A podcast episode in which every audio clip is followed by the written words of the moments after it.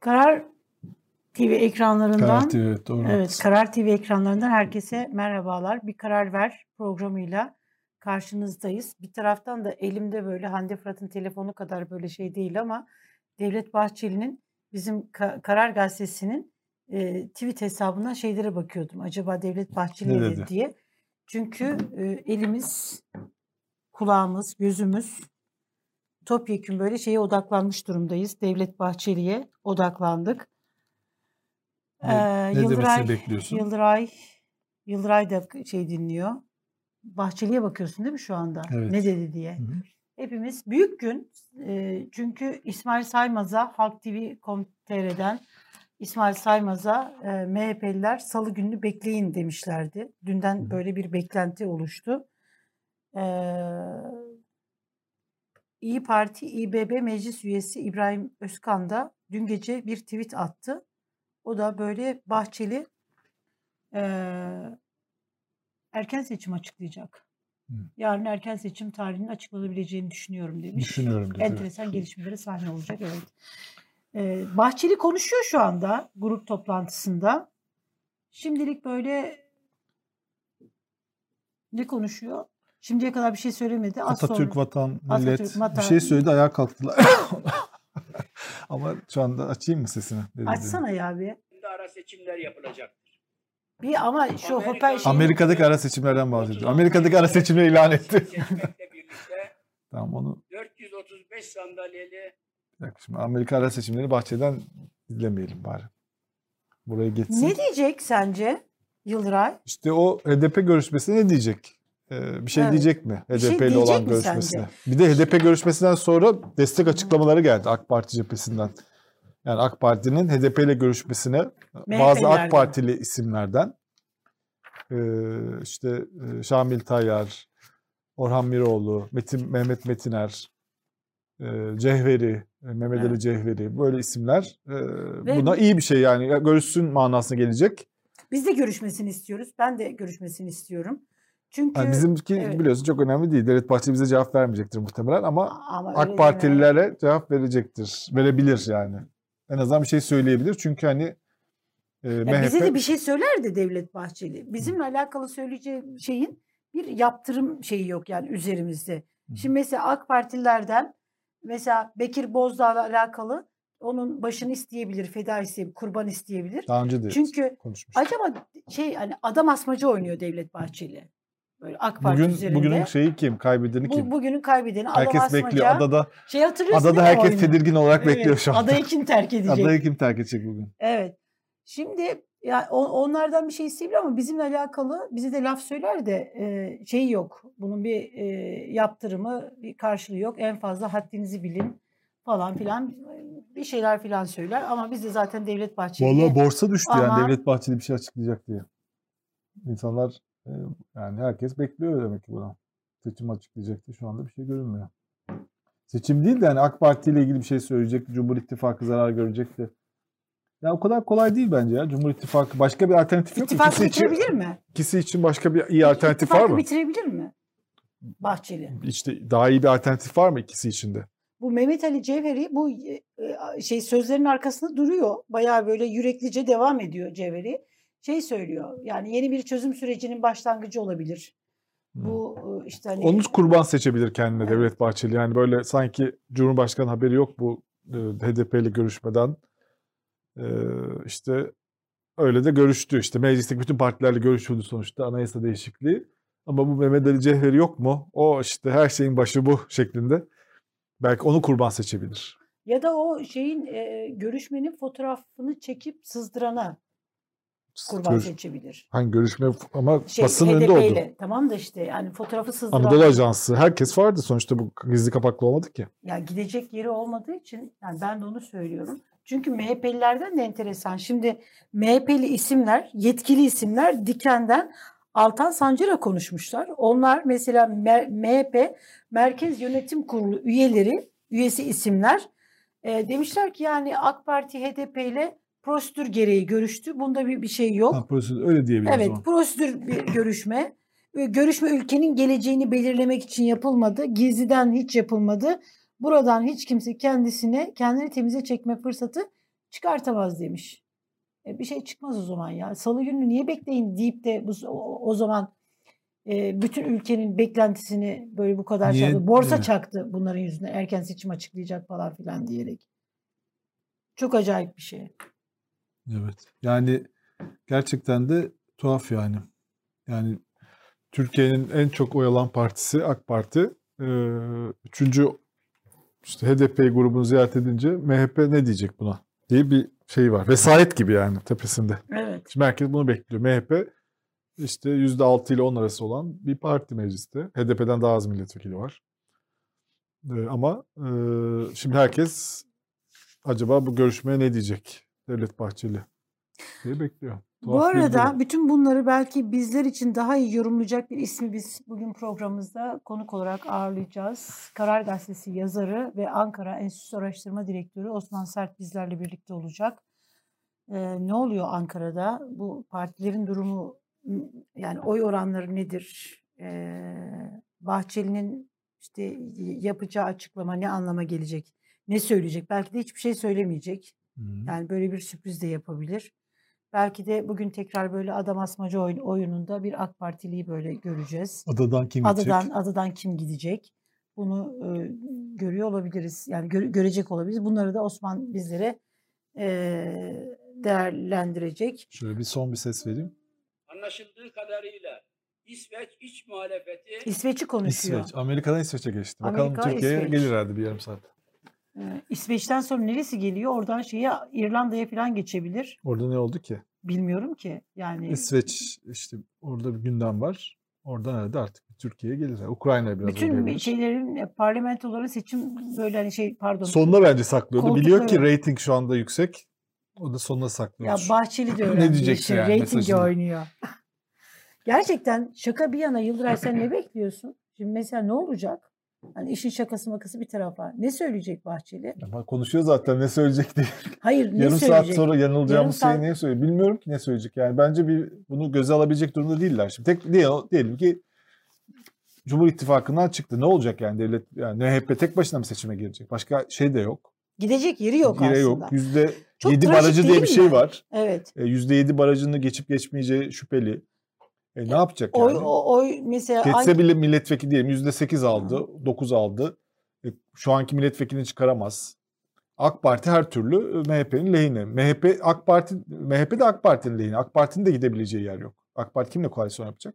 İttifak yapacak. İttifaksız da o yetmiyor. ama AK Parti mesela İttifaksız olmuyor yani. diyelim şunu deneyebilir Erdoğan. Zaten Devlet Bahçeli bizim üzerimize yük olmaya başladı diyebilir ki AK Partili grup başkan vekilleri içerisinde ondan sonra bu Yük de yüzde altıyı bulabilecek mi başka bir yerden? MHP Yüzde yedi. MHP'nin yani benim mesela görüştüğüm bazı isimler şu anda böyle mi düşünüyorlar bilmiyorum ama birkaç ay öncesine kadar şey düşünüyorlardı. Yani MHP ile olan ittifaktan e, rahatsızlar. AK Parti içerisinde MHP ile ittifaktan memnun olan bir Süleyman Soylu vardır. Süleyman Soylu'nun dışında MHP ortaklığından memnun olan kim vardır? Peki e, Kim- MHP ortağı yok. olmayınca o dediğin isimler e, meclise girme, girebilecekler mi? Giremeyecekler zaten. Ne yapacak yani AK Parti? Yani. MHP'siz AK Parti'nin bir Hayır, politikası şunu olacaksa söylüyorum. mesela MHP'siz AK Parti işte biz artık eski şeyimize geri dönüyoruz. İşte e, her konu bu konularda artık hani eski demokrat çizgimize doğru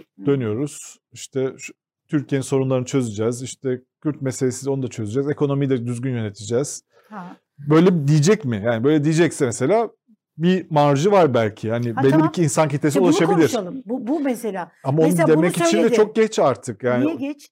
Dedi ki bir sürü mesela yanlış yapıldı. İnsanlar artık buna güvenir mi? Mesela diyor ki aldı mesela Merkez Bankası Başkanı'nı bir geceden görev bir gecede görevden alıyor. Bu hükümet sistemi tek kişilik hükümet sistemi. İşte Bütün yetkilerin altı kadar yüksel, elde- yükseltir mi? MHP'nin hazır bir yüzde altı yedi oyu var. ama şöyle yaptı. Şimdi mesela dedi ki e, ben dedi Merkez Bankası Başkanı'nın üstüne yıktı Erdoğan. Dedi ki bu dedi işte paranın de, paramızın değerini koruyamadı. e, iş yapamadı. Ki kaldı ki Cumhurbaşkanı Erdoğan'ın yapmayacağı şeyler değil bunlar. Yani bugüne kadar bütün yaptıkları yapacaklarının da garantisi. Yani neler yapabile, yapabildiğini gördük, neler yapabileceğini de gösteriyor yaptıkları. Bir gece kararnamesiyle bunun için cuma gecesini beklemeye de gerek yok. Tamam mı? Hani olumsuz bir şey olduğu zaman O da biliyor. Cumhurbaşkanı da bu kadarını kestiriyor. Piyasa biliyor, e, tepki ne olur bildiği için cuma akşamı araya cumartesi pazarı koyuyor piyasalar sakinleşsin falan filan diye. Şimdi böyle Merkez Bankası Başkanı'nı görevden aldı. Nurettin Nebati'yi de görevden aldı. Tekrar diyelim ki Naci Ağbal'ı göreve getirdi. Ondan sonra Mehmet işte Şimşek'i. Mehmet Şimşek'i Mehmet Şimşek gelir mi bilmiyorum. Onun hani Londra'da Yani eğer sözleşmesi şey var. yaparsa yani e, artık düzgün ekonomi politikası uygulayacağız derse gelebilir tabii. Ki. yemin etmesi lazım. Bunun için böyle bir e, kağıt imzalaması lazım Cumhurbaşkanı Erdoğan'ın. Diyelim ki bunların hepsini yaptı. Çözüm sürecinde başlattı. Erdoğan'ın böyle kitleleri ikna edebilme gücü var. Ondan sonra dedi ki bu dedi zaten Cumhurbaşkanlığı hükümet sistemini de başımıza bela eden MHP'ydi dedi. Tamam mı? Bunu da söyledi.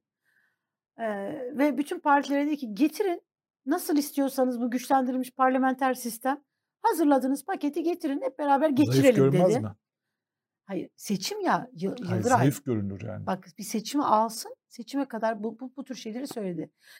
Ee, yani AK Parti Erdoğan'ın eli MHP'ye göre daha şey güçlü. Şimdi oy oranları anket şirketli anket araş hani kamuoyu araştırma şirketlerinin yaptığı anketlerde MHP'nin oyları yüzde beşe yüzde altılarda yani 2002 şeyine gene geri döndü Türkiye'sini. Yani o koşullara geri döndü. Şey daha durumu daha trajik, daha dramatik MHP'nin. MHP'nin gidecek yeri yok. Şu anda e, Erdoğan Devlet Bahçeli'ye dese ki ya çözüm sürecini başlatıyoruz. Milliyetçiliği ayağımın altına alıyorum açıklamasını sen yap dese Bahçeli bunu yapabilecek durumda bence. Cumhurbaşkanlığı hükümet sistemini savunuyor şu anda da. Aha. Ee, şeyde, yani savunmuş daha Ya doğrusu. bak düşün ki Bakayım hayal bir dakika, dünyasında yaşıyorsunuz demin. Kitaplar Evet. değil, Hazal Hanım. Evet. Hayal mümkün. yaşıyoruz. Hı. Hep beraber. Yani- Türkiye'nin an itibariyle en ciddi sorunu öne çıkan en temel zorluğu muhalefetin mefluç, melez, menfur ve gayrimeşru bir çizgide Duyuluyor mu? Yok şeyini koyman lazım. Dış Sen güçler- simültane yapsana şimdi. Şu anda muhalefete, muhalefet bölümüne geldi. Neyse birazdan konuya doğru geliyor. Ya şimdi Bugün ilginç bir şey var. Ben eee, ne oldu? Eee, ay yok içeriği konuşalım. Tamam. eee, il- yani ilginç bir tartışma var ya bu Ekrem İmamoğlu ile ilgili bir şey var. Hatta bugün Ekrem İmamoğlu Halk TV'ye çıkacakmış. Bu da ilginç. Uzun bir süre sonra ilk defa hani bir yayına çıkacak. Hem bu kendisiyle ilgili bir dava var. Oradaki karar ne olacak meselesi var. Hem de bu işte Sözcü gazetesiyle olan bir tartışma var. Herhalde onunla ilgili sorular sorulacaktır. Şimdi e, o tartışmanın devam ettiği görülüyor. Çünkü Cumhuriyet Gazetesi dün işte e, Ekrem İmamoğlu'nun davasına bakan hakimin e, ve görevden alınan hakimin etrafına söylediği şeyleri yazmıştı burada Barış Terkoğlu. Bu haberlere devam ediyor. İşte diğer gazetelerde de var Ekrem İmamoğlu ile ilgili meseleler. Hı hı. Ama hangi gazetede yok? Sözcü'de yok. Sözcüler arasında ama büyük bir gerilim var. İşte Sözcü'de Ekrem İmamoğlu ile ilgili hiçbir şey yok. Tek satır yok. Ee, yani bu tartışmayla. Adı geçmiyor. Hiçbir yerde adı geçmiyor. Şöyle baktım dikkatli. Ekrem İmamoğlu'nun adı geçen bir haber yok. Şeyde, Fakat çok ilginç. Ee, onu açıkladılar ama Sözcü'de. evet. Sözcünün sahibi herhalde konuştu. Dedi ki aramızda öyle şeyler oldu ki bunları Genel duysanız dedi. Genel yayın yönetmeni pardon. Aramızda öyle şeyler oldu ki siz de olsanız adını geçirme. Mesela siz dedi düşünün bakalım ne olursa bu tavrı gösterebilirdiniz. Demek ki o kadar büyük bir şey olmuş. Yani İşte bir çok şey büyük yazıldı altında diye bırakıyorlar. Ee, bir birkaç yerde kulisler yazıldı işte. Ee, bir haber ya- ya- yapmış işte belediye AK Partili müteahhitlere e, bir ihaleyi verdi diye. Buna Ekrem İmamoğlu'nun kızıp e, Sözcü gazetesinin sahibinin e, aile evine bir zabıta gönderdi. Daha önce de AK Parti belediyesi böyle bir herhalde bir kaçak bir şeysi varmış. Zabıta gönderdi. Onun üzerine de Ekrem İmamoğlu'nun adının artık Sözcü'de geçirilmediği söyleniyor. Fakat şöyle ben şunu söylemek istiyorum. Şimdi ee, Ekrem İmamoğlu'nun davasına bakan hakimin e, arkadaşlarına neler söylediğini bulabilen gazeteciler var. Evet. Yani arkadaşlar çevresine ne dediğini bulabilen gazeteciler var. Ee, işte yani her yerden her türlü kulisi bulabilen, AK Parti'de bile olan, kul- MHP'de olan biteni bulabiliyor. Herkes, her şeyi bulabilen bir sürü gazeteci var değil mi? Muhalif şeyde. İsmail Saymaz bunlardan birisi. Barış Ee, Terkoğlu bunlardan birisi. Bir Yani sürü insan var yani. Ba- Barış Pehlivan. Sözcü İsmail gazetesi, Bir Saymaz. Gün gazetesi. Bunu övmek için söylüyorum. Yanlış anlamayın Evet. arkadaşlar. Hani Fakat hala böyle e, şu ana kadar güzel bir tam şey olarak Sözcü Abdülkadir gazetesi. Türkiye'nin en çok satan muhalif gazetesi. Açık Hı ara. Yani bütün bu CHP'lilerin özellikle Kemalist kesimin sözcüsü. Muhalif en gerçekten satıyor. Her yerde işte böyle onların olduğu yerlerde. Bu gazete İstanbul'un belediye başkanına bir kavgası var ve şu ana kadar bir şey de e, yani bu çevrelere de ulaşabilen hani Sözcü gazetesiyle de iletişim olan insanlardan biri de yani oturup ne olduğunu yazmadı. Evet. Çok ilginç değil mi yani? Tam nedir yani burada? Ne oluyor da Türkiye'nin en çok satan muhalif gazetesi ülkenin belediye başkanı işte İstanbul'un en büyük şehrinin belediye başkanı işte Cumhurbaşkanı adayının arasında ne oldu? Yani niye adını geçirmeyecek hale geldi durum? E, bu Şey- da Türkiye'deki e, aslında siyaset medya ilişkilerinin e, her zaman her kesimde de aynı olduğunu, pek değişmediğini yani e, siyasetçilerin medya yaklaşımının e, medyanın e, çeşitli haberleri e, filtreden geçirme biçiminin aslında yani şu anda biz onun iktidarda tabii çok daha fena bir örneğini görüyoruz iktidar gücüyle beraber. Ama muhalefet cephesinde de bu konuda öyle çok karnenin çok parlak olmadığını da aslında gösteriyor. Ahmet Altan hatırlıyorum. Taraf gazetesindeyken bu, min, bu minvalde böyle muhalif şey gazetecilik üzerine bir çok güzel yazı yazmıştı. Yani haber, gazetecilik, işte kartel medyası, yandaş medya işte hani aslında yok. Yani herkesin bir sansürü var yani. sansürü var. Herkes bir şeyi Şimdi sansürlüyor. mesela böyle bir şey olsaydı Abdülkadir Selvi de bunu bulabilirdi. Bu arada Sözcü gazetesi de yazmıyor kendi Evet. meselesini. O da demiyor ki bizim başımıza şu geldi. O da diyor Bu ki da böyle şey öyle diyor ki, şeyler oldu ki konuşursak ortalık sallanır diyor. evet ne olduğunu Ondan anlatmıyor. Ve diyor ki gözünüzü kapatın, hayal kurun, hayal edin. Sizce bize ne söylemiş olabilir? Baba ne söylediğini Bunlar iyi şey sinyaller yapalım değil yani, yani. Yani, Diyor ki şey ne açısından, yapalım? muhalefet Evet, açısından çok kötü sinyaller bunlar. Evet. Yani şey olarak şeye bakışlarını yani bu haber, muhalefet, medya bütün bunlara bakışı gösteriyor. Bakalım bu akşamki Halk TV yayınında muhtemelen sorulur bu soru. Orada herhalde ortaya çıkar. En azından Ekrem İmamoğlu'na sorulursa bu soru herhalde o cevap verir zaten buna. Biz de defalarca davet ettik Ekrem İmamoğlu'nu. Ee, hiç böyle e, davetlere böyle görüp de şey yapmıyor. E, Çok konuşmak Yani. istemiyor aslında. Bu yani çok fazla konuştuğunu düşünüyor herhalde. Artık çok Bilmiyorum uzun süredir röportaj vermiyordu. e, hayır, Bu ilk olacak aslında. Uzun bir süre sonra ilk defa bir televizyon kanalına çıkacak. Defalarca Neyse, bunu da böyle bir şey yani. olarak hakkında bir sürü hani neler yapıyor, geçelim. başarısızlıkla suçlanıyor, işte neler oluyor arka planda bunları. Hatta şeyi de ça- çağırdık biliyorsun. Gelme sözü de vermişti dolaylı yoldan. Kim? Şimdi hani Tevfik Göksu. Hmm. Dolaylı yoldan böyle hani şey değil. Böyle a- aracılar böyle hani şeyde gelebil gelme sözü vermişti ama sonra vazgeçti. Bu arada bir de şu notu da düşelim. Hani biz burada dün şey okuduk ya birkaç tane işte referandum, Hı hı. e, işte başörtüsü konusu Evet. referanduma gidecek. Çok da iyi olacak. Muhalefetin gerçek yüzü ortaya çıkacak diye. Ama dün, dün Cumhurbaşkanı dedi ki e, temel hak ve özgürlüklerinin halk oyununa götürülmesine prensip olarak karşıyız dedi. Bir şey söyleyeceğim Yıldıray. Ben şimdi peki referandum çağrısını yapan kimdi? Kim? Evet. Ya bu iş anayasa değişikliği biz vermeyelim, meclis değil, bu kararı millet verecek, millet versin diyen kimdi? Yani burada herhalde muhalefetin bu söylemi yani temel hak ve özgürlükler şeye gidemez.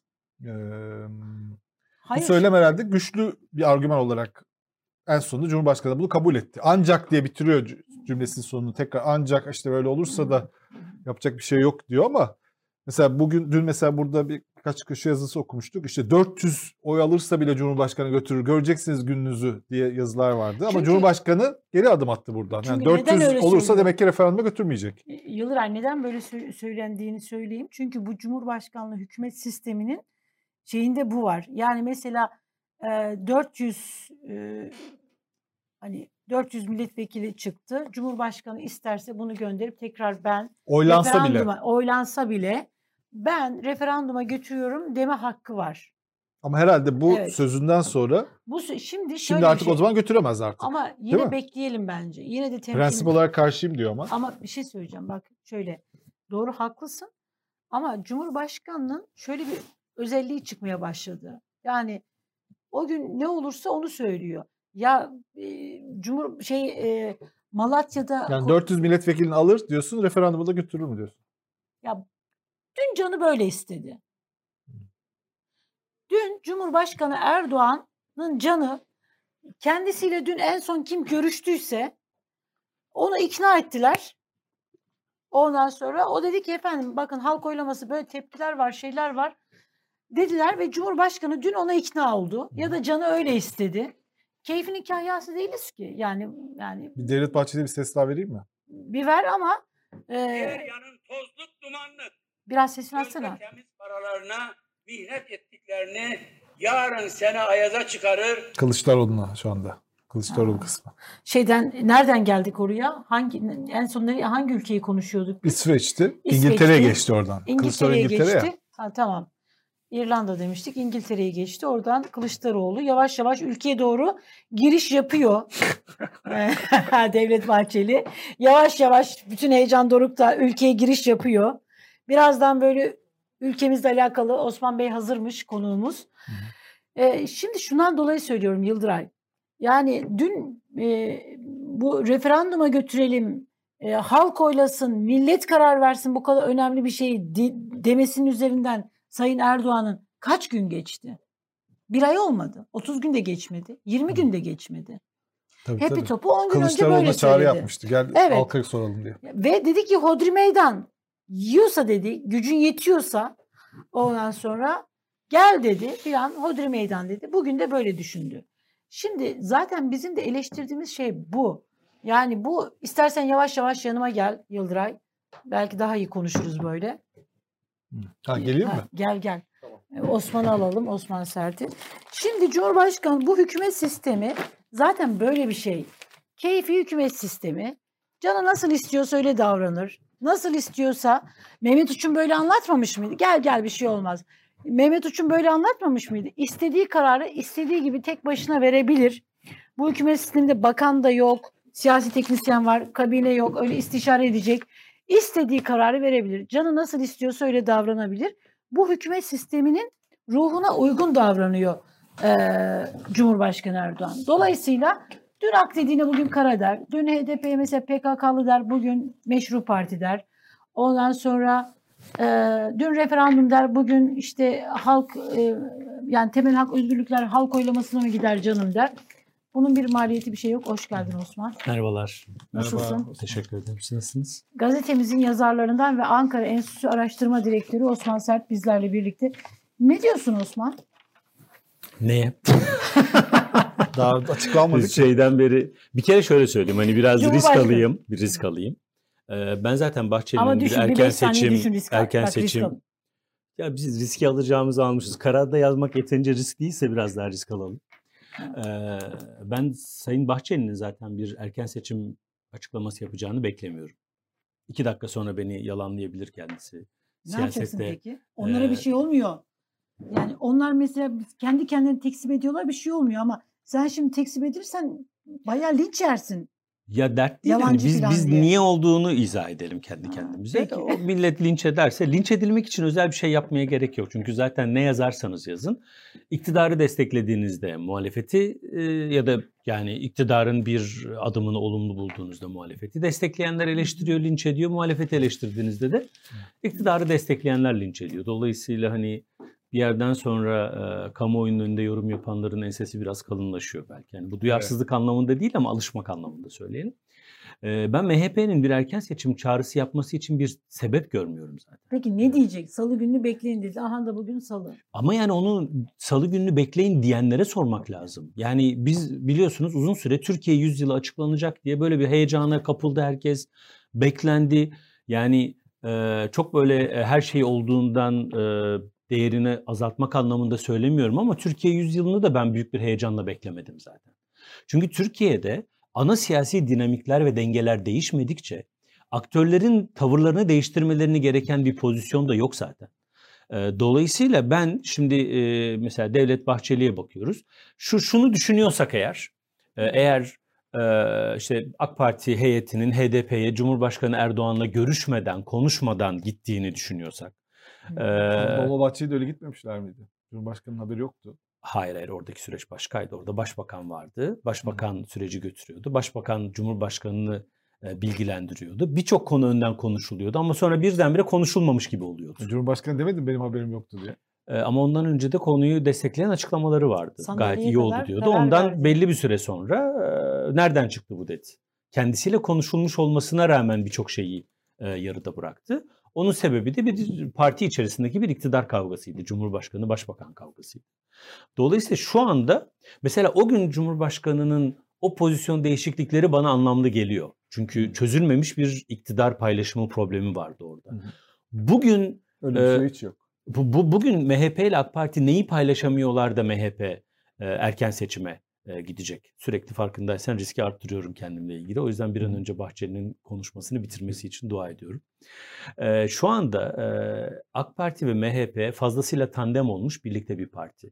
Ve MHP kamuoyu araştırmalarında %6 gibi bir oy almasına rağmen %51'i kontrol eden bir güç kullanıyor. Bu muazzam orantısız bir güç. Evet. Hani genelde polis müdahalesinde söylenir ya orantısız güç kullanmak diye. MHP %6 ile ülke yönetiyor. Bu çok büyük bir güç. Bunu bırakmasını gerektiren mesele ne? Ben bunu bilmiyorum açıkçası. Sayın Erdoğan'ın e, milliyetçilik bağlamında e, hatta bir adım öteye gidelim. Sayın e, Erdoğan'dan çok oturmayan bir şey ama ulusalcılık bağlamında Bahçeli'nin isteyip de Erdoğan'ın yapmayacağı ne vardır diye düşünüyorum. Ben en son Mahir Ünal'ı görevden aldı.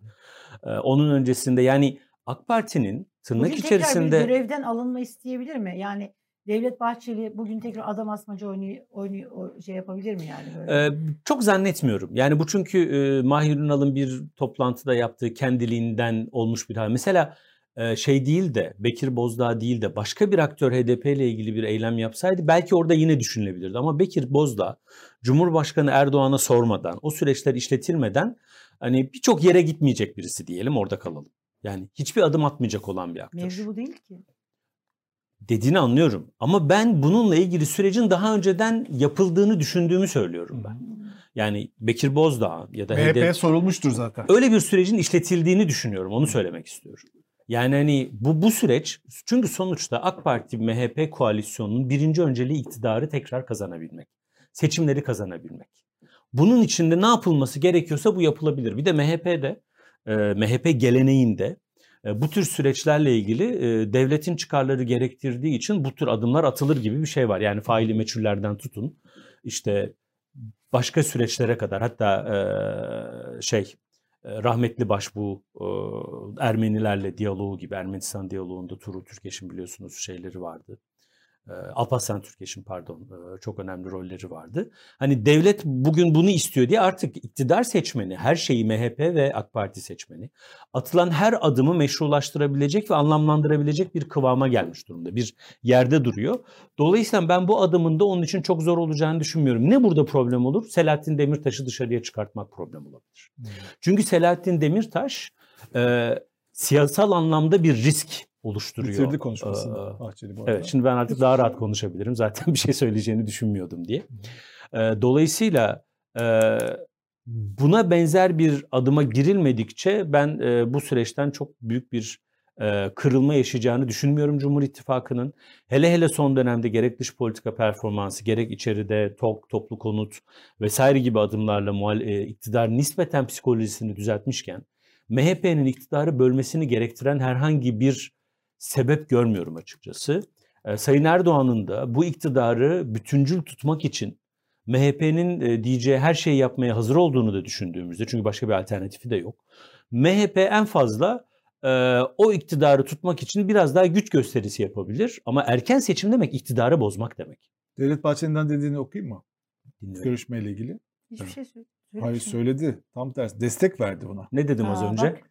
Ee, dedi ki e, son derece doğal ve doğru bir adımdır dedi. Milliyetçiliği ayaklarımın altına alıyorum da dedi mi? Bu görüşme son derece doğal, doğru ve doğal bir adım. Yani kameraların önünde ben hiçbir şekilde konuşmasının o bölümünü dinlemedim, bilmiyordum ama hiçbir şekilde şaşırmış da değilim.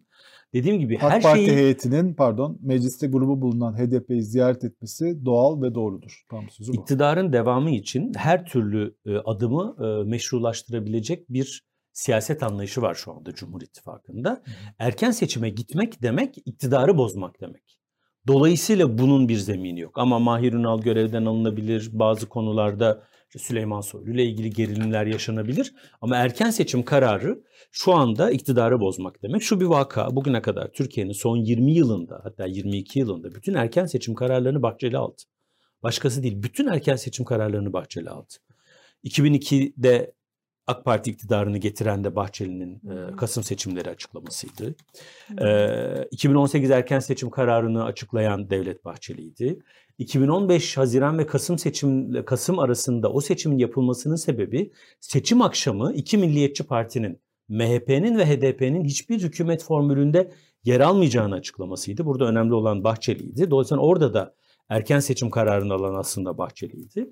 Dolayısıyla bu bir vaka ama an itibariyle MHP'nin bir seçim kararı almasını gerektiren bir siyasal zemin yok. Yok. MHP'nin de böyle bir iddiası da yok. Böyle zaten. bir iddiası da yok. Dolayısıyla ben onu hani e, şimdi gidip salıyı bekleyin demiştiniz. Bekledik ne diyorsunuz Ama diye bu da ilginç aslında. Buna yani. destek vermesi de aslında bundan sonra atılabilecek başka adımlar adımlara da her türlü pragmatik desteği verebileceklerini de gösteriyor Şöyle aslında. bir şey, çözüm süreci başlayabilir mi diye konuşuldu. Ben çözüm sürecinin başlayabileceğini düşünmüyorum. Çünkü çözüm sürecini yaşayanlar ki yani hepimiz bir şekilde içindeydik sürecin.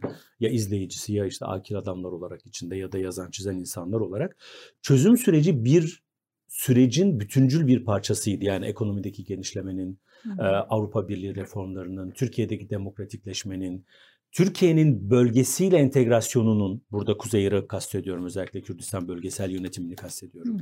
Bütün bu bütünleşme sürecinin bir parçası olarak çözüm süreci hayata geçebildi. Şimdi bunların hiçbirisi yokken, ekonomi kötü giderken, milliyetçilik her partinin asgari müştereği haline gelmişken yani CHP'de, İyi Parti'de, AK Parti'de, MHP'nin de asgari müştereki HDP'de Kürt milliyetçisi asgari müşteriye milliyetçilik haline gelmişken ve milliyetçilik böyle bir sorunun çözümünün önündeki temel e, engel olarak dururken bütün kesimlerde yükselen e, demokratikleşmeden bu kadar uzaklaşılmışken sadece seçim için bir çözüm sürecinin adı çözüm süreci olmaz. Taktik adımlar olabilir. Yani HDP'ye aynen burada gördüğümüz gibi çiçek atmak olabilir. Muhtemel bir ikinci turda Erdoğan'ın karşısında HDP kitlesinin konsolide olmasını engellemek için adımlar atılabilir. Burada kartlar açık. Ama bir çözüm süreci dediğiniz şey daha büyük bir şey. Böyle bir şeyin olmasını beklemek gerçekçi değil zaten. Dolayısıyla Bir de ondan bir getiride e, seçimde bir getiride daha önce gelmedi. Burada Aynen. da gelmesi için bir neden Aynen. yok. Bir saniye Osman. Yıldıray biz kendimizle gurur duyalım. Biz Ankara'dan kulis alamıyoruz. Partilerin kulislerine sızamıyoruz. Ondan sonra ama biz dün de bugün de ikimiz de şey söyledik. Bakarsınız hani fotoğraf iyi fotoğraf okuyoruz biz. Dedik ki belki de bu adıma destek açıklaması gelecek Bahçeli'den demiştik. Biz ne konuşacağını bilmeden daha sabah Bahçeli konuşurken de bu yorumları yaptık. Dolayısıyla O zaman Devlet Bahçeli, o zaman MHP de görüşebilir o zaman HDP ile. Yani e, doğal ve doğal, yani mecliste grup bulunan bir partiyle e, görüşülmesi doğalsa Peki o zaman bir şey MHP'nin de görüşmesi gerekir. meclis genel kuruluna girerken gerektiğinde gidip HDP'lilerin elini sıkmış bir lider Devlet Bahçeli. Mesela bugün aynısını İyi Parti yapmaya kalksa yapar mı ayrı mesele. Mangalda kül bırakmaya, bırakılmaya bilinir. Ama Devlet Bahçeli gitti ve HDP'lilerin elini sıktı. Ve bugün yapsın MHP kitlesi bunu son derece normal algılar. Değil Ama mi? Seçime de gidiyoruz. Bunu yapabilir Tam diye tersi bir şey oluyor yani. şu anda. E, şu anda şeyde e, sosyal medyada da dünden beri başladı aslında. Şimdi arttı. Bu sefer İyi Partililer MHP'yi suçluyorlar. Devlet Bahçeli'nin Kim, doğal kim ve daha milliyetçi, kim gerçek E, milliyetçi aa kavgası işte bak yapıyor. doğal ve do- doğru dedin diye. Şimdi şöyle bir ihtimal var mı? Ee, diyelim ki HDP ile böyle bir görüşme yaptı. Mesela şu anda e, mesela İyi Parti e, diyelim ki CHP ile HDP ile görüşmüyor değil mi? Hiçbir şekilde karşılaşmıyorlar bile. Adını bile anmak istemiyor. Herhangi bir görüşme olmuyor İyi Parti ile HDP arasında. İyi Pa- olmadı değil mi? Yani hiçbir Hayır, görüşme resmi olmadı. olarak olmuyor. Sadece mecliste işte. Evet, mecliste. Yani genel- karşılar hatta genel buna. kurulda. Ee, yani Orada Meral Akşener biraz ortalama cümleler kuruyor yalnız. Yani Hatta biliyorsun yanında Kürdistan kelimesi kullanıldı tepki göstermedi. O yüzden tepki gördü. Peki Meral Akşener Kendi şunu diyebilir mi? Meral Akşener Ee, şunu diyebilir mi? Mesela CHP ile HDP görüştüğünde doğal ve doğru bir adımdır diyebilir mi? Bunu diyebilir bence. Demedi ama şu ana kadar. Anlıyorum ama Devlet Bahçeli söyledi. İtiraz Ha, şunu orada- söylüyorum yani muhalefet şey geride var. kalabilir yani burada. İtira- İktidar öyle bir hale gelebilir ki bu, bu, bu, muhalefet geride Bu kalabilir. dediğin çok doğru. Ee, Cumhurbaşkanı Erdoğan'ın Kürtlerle ilgili yaptığı açıklamalar genelde altılı masanın ilerisinde kalıyor. Altılı masa Kürtlere dair bir açılım yapmakta iktidarın bile gerisinde kalıyor ki Kürtlerin oyuna asıl ihtiyacı olan, Kürtler derken HDP'lileri tabii kastediyoruz yoksa başka çok partiye oy veren Kürtler var, geride kalabiliyor. Ama ben Meral Akşener'in e, biraz kendisiyle partisi arasında bir uyumsuzluğu yönetme çabası da görüyorum. Yani HDP ile ilgili açıklamalarda biz hatta yani tabanda da bir e, anlamlandırmakta her zaman kolay e, davranamadığımız bir milliyetçi refleks de e, şeyde. Mesela HDP'nin HDP'ye oy veren e, seçmenlere saygı duyuyorum. Ben bir videoda izlemiştim. Nasıl saygı duyuyorsun diye tepki gösteriyor insanlar. Yani çok son derece doğal ve mantıklı bir cümle kullanıyor. Yani HDP'ye oy veren seçmenlere saygı duyuyoruz. E ne yapacaksınız? Saygı duymayacak mısınız? Nasıl saygı duyarsın diye bir tepki geliyor tabandan. Bu Türkiye'nin önümüzdeki dönem yönetmesi gereken e, bir e, yüzleşmesi gereken bir gerçek. Yani Türkiye'de yükselen bir milliyetçilik var ve bu milliyetçilik duvarı, bu kimlik duvarı toplumda herkesin birbiriyle temas kurmasının önünde her geçen gün yükseliyor. E, Bu konuda mesela CHP e, çeperini esnetmek için çabalarda bulunuyor. İşte helalleşme hı. çağrısı olabilir, başörtüsü girişimi, içeriği zamanlaması tartışılabilir, e, Roboski ziyareti olabilir. E, Bunlar bütüncül bir siyasetin içerisine oturmadığı için tek atımlık barutlar olarak algılanabilir. Ama e, buna benzer bir yüzleşmeyi herkesin yapması gerekiyor. AK Parti bunu iktidarda olmanın gücü ve geçmiş birikimiyle bazen yapıyor. İşte Türkiye yüzyılında onu yapmaya çalışıyor. Cumhurbaşkanı Erdoğan bazen yapıyor ama MHP ile beraber olmanın getirdiği kısıtlar var. Buna benzer bir çabayı bence kesinlikle İyi Parti'nin de yapması gerekiyor. Peki Mesela Ee, İyi kendi- Parti'de bunu kendi, yapabilecek e, isimlerden biri dışarıdan gelmiş bir isim. Mesela Bahadır Erdem. Bunu mesela eleştirmiş şu an. Devlet Bahçeli HDP ile görüşmesi sonucu doğal ve doğrudur. Tweet bu kadar diye yazmış. Yani ne demek tweet bu kadar? belki şunu demiş olabilir yani. Şuna cevap vermelerini... e, MHP'nin çelişkisine. Peki ben şunu merak ediyorum Osman. Şimdi yani hiç kimse tabii ki yanlışta diretmesin. Yani CHP'nin bu bağlamda helalleşme siyasetini ben çok doğru buluyorum. Hı hı. Meral Akşener'in mesela işte daha merkeze kayan böyle hani merkez sağ böyle parti olma yolunda zaman zaman böyle e, adımlar atıyor, transferler yapıyor, Paris'in isimler katıyor. Bunlar da önemli. Ee, MHP de bu bağlamda şimdi Alevilikle alakalı çok Evet. böyle çok iyi bir açıklama Herkesin yaptı. önüne geçti. Herkesin önüne geçti. AK Parti'nin bile neredeyse önüne geçti. Ya biz şimdi bunu böyle hani Bahçeli'yi böyle şey yapıyoruz ama acaba Bahçeli de MHP'yi dönüştürme böyle hani bir e, adımı baş yavaş yavaş böyle bir şey başlatmış olabilir mi? MHP'yi dönüştürüyor. e, Ben, ben ben ben buna çok o, olumlu cevap veremeyeceğim. Çünkü Yok, merak tabanı ediyorum, evet nasıl? onu konuşalım yani. Şimdi Hani, mesela HDP ile ilgili normal bizim bildiğimiz Devlet Bahçeli olsaydı ya daha düne kadar Devlet Bahçeli değil miydi kapatasın bu parti diyen? Yarın demeyeceğinin garantisi var mı? Hayır bunu anlamaya şimdi yani İşte oradan hareket etmek Evet. lazım. Yani Şimdi tabanın dönüşmesi, tabanın Yani dönüşmesi çünkü hani dün tam Tayyip Erdoğan böyle dün ak dediğine bugün kara diyor bir şeyler yapıyor çok oportunist davranıyor ondan sonra Devlet Bahçeli mesela HDP ile alakalı bugün bu makul yani ne var bunda dedi makul buldu. Ee, bunu böyle AK Parti ile yani AK Parti ile ittifakta zorunlu gidecek yeri yok. Çaresizlikten mi böyle bir şeyler söylüyor? Yoksa e, dün dündür bugün bugün ittifak hani ya da de- değişiyor mu? Hangi ihtimal? Ee, sorunu unutmayacağım. Sadece MHP'nin, Devlet Bahçeli'nin bu açıklamalarına altılı masadan tepki gelmesini ben yadırgamıyorum. Çünkü son bir yıldır masanın yedinci ayağı HDP, siz PKK ile işbirliği yaptınız diye iktidar tarafından iki kanı sıkıştırılan bir altılı masanın e hani onu diyordum bu ne o zaman demesinden daha doğal bir şey görmüyorum ben. Senin soruna gelince Hı hı. bir lider tabanını dönüştürebilir.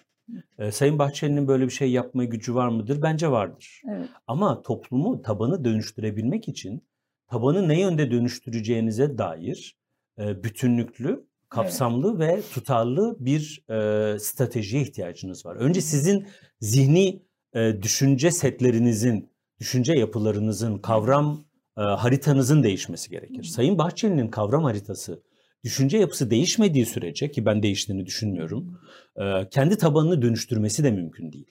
Dolayısıyla Sayın e, Bahçeli'nin bu açıklamalarıyla tabanını dönüştürmek gibi bir amacının olduğunu da düşünmüyorum. Çaresizlik O- mi peki o zaman? Bu bu çaresizlik değil. Yani ne peki? belki çaresizlik diye de okuyabilirsiniz ama bu konjonktürel, pragmatist, süreç yönetimiyle alakalı taktik adımlar. Seçime gidiliyor. Seçime giderken son tahlilde Kemal Derviş'in getirdiği IMF programına kim imza attı? Sayın Bahçeli imza attı. Yani bugün IMF karşıtlığı vesaire diyoruz. Evet. E, Başörtüsüyle ilgili kendi milletvekilinin başını açan genel başkan kimdi? Devlet, Devlet Bahçeli. Bahçeli. Abdullah Öcalan'ın idam meselesi var. A- Abdullah Öcalan'ın idamı konusunu durdurabilen kimdi? Devlet Bahçeli'ydi. Bugün e, başörtüsüyle ilgili bir referandum için HDP'ye gidilmesini destekleyen kim? Devlet Bahçeli. Dolayısıyla Devlet Bahçeli'nin süreç içerisinde attığı adımları bütüncül bir e, kendi içerisinde tutarlı siyasi bir felsefeden ziyade iktidarda kalmanın e, kalmak için araçsallaştırılmış unsurlar olarak görmek bana daha anlamlı geliyor açıkçası. Bu, bu adımı da ben bu çerçevede okuyorum. Yani bir tabanı dönüştürmek, siyasi bir dönüşüm getirmek, zihni bir dönüşüm getirmek. Ben MHP'nin böyle bir MHP'nin ideolojik olarak ayağını yere bastığı yer her zaman komünizm karşıtlığı ve sol karşıtlığı olmuştur. En fazla tanımlayacağınız şey. Son tahlilde milliyetçilik refleksif bir harekettir. Kurucu bir e, ideoloji milliyetçilik olmamıştır zaten. Daha tepkisel bir ideolojidir. MHP de bunun temsilcisi.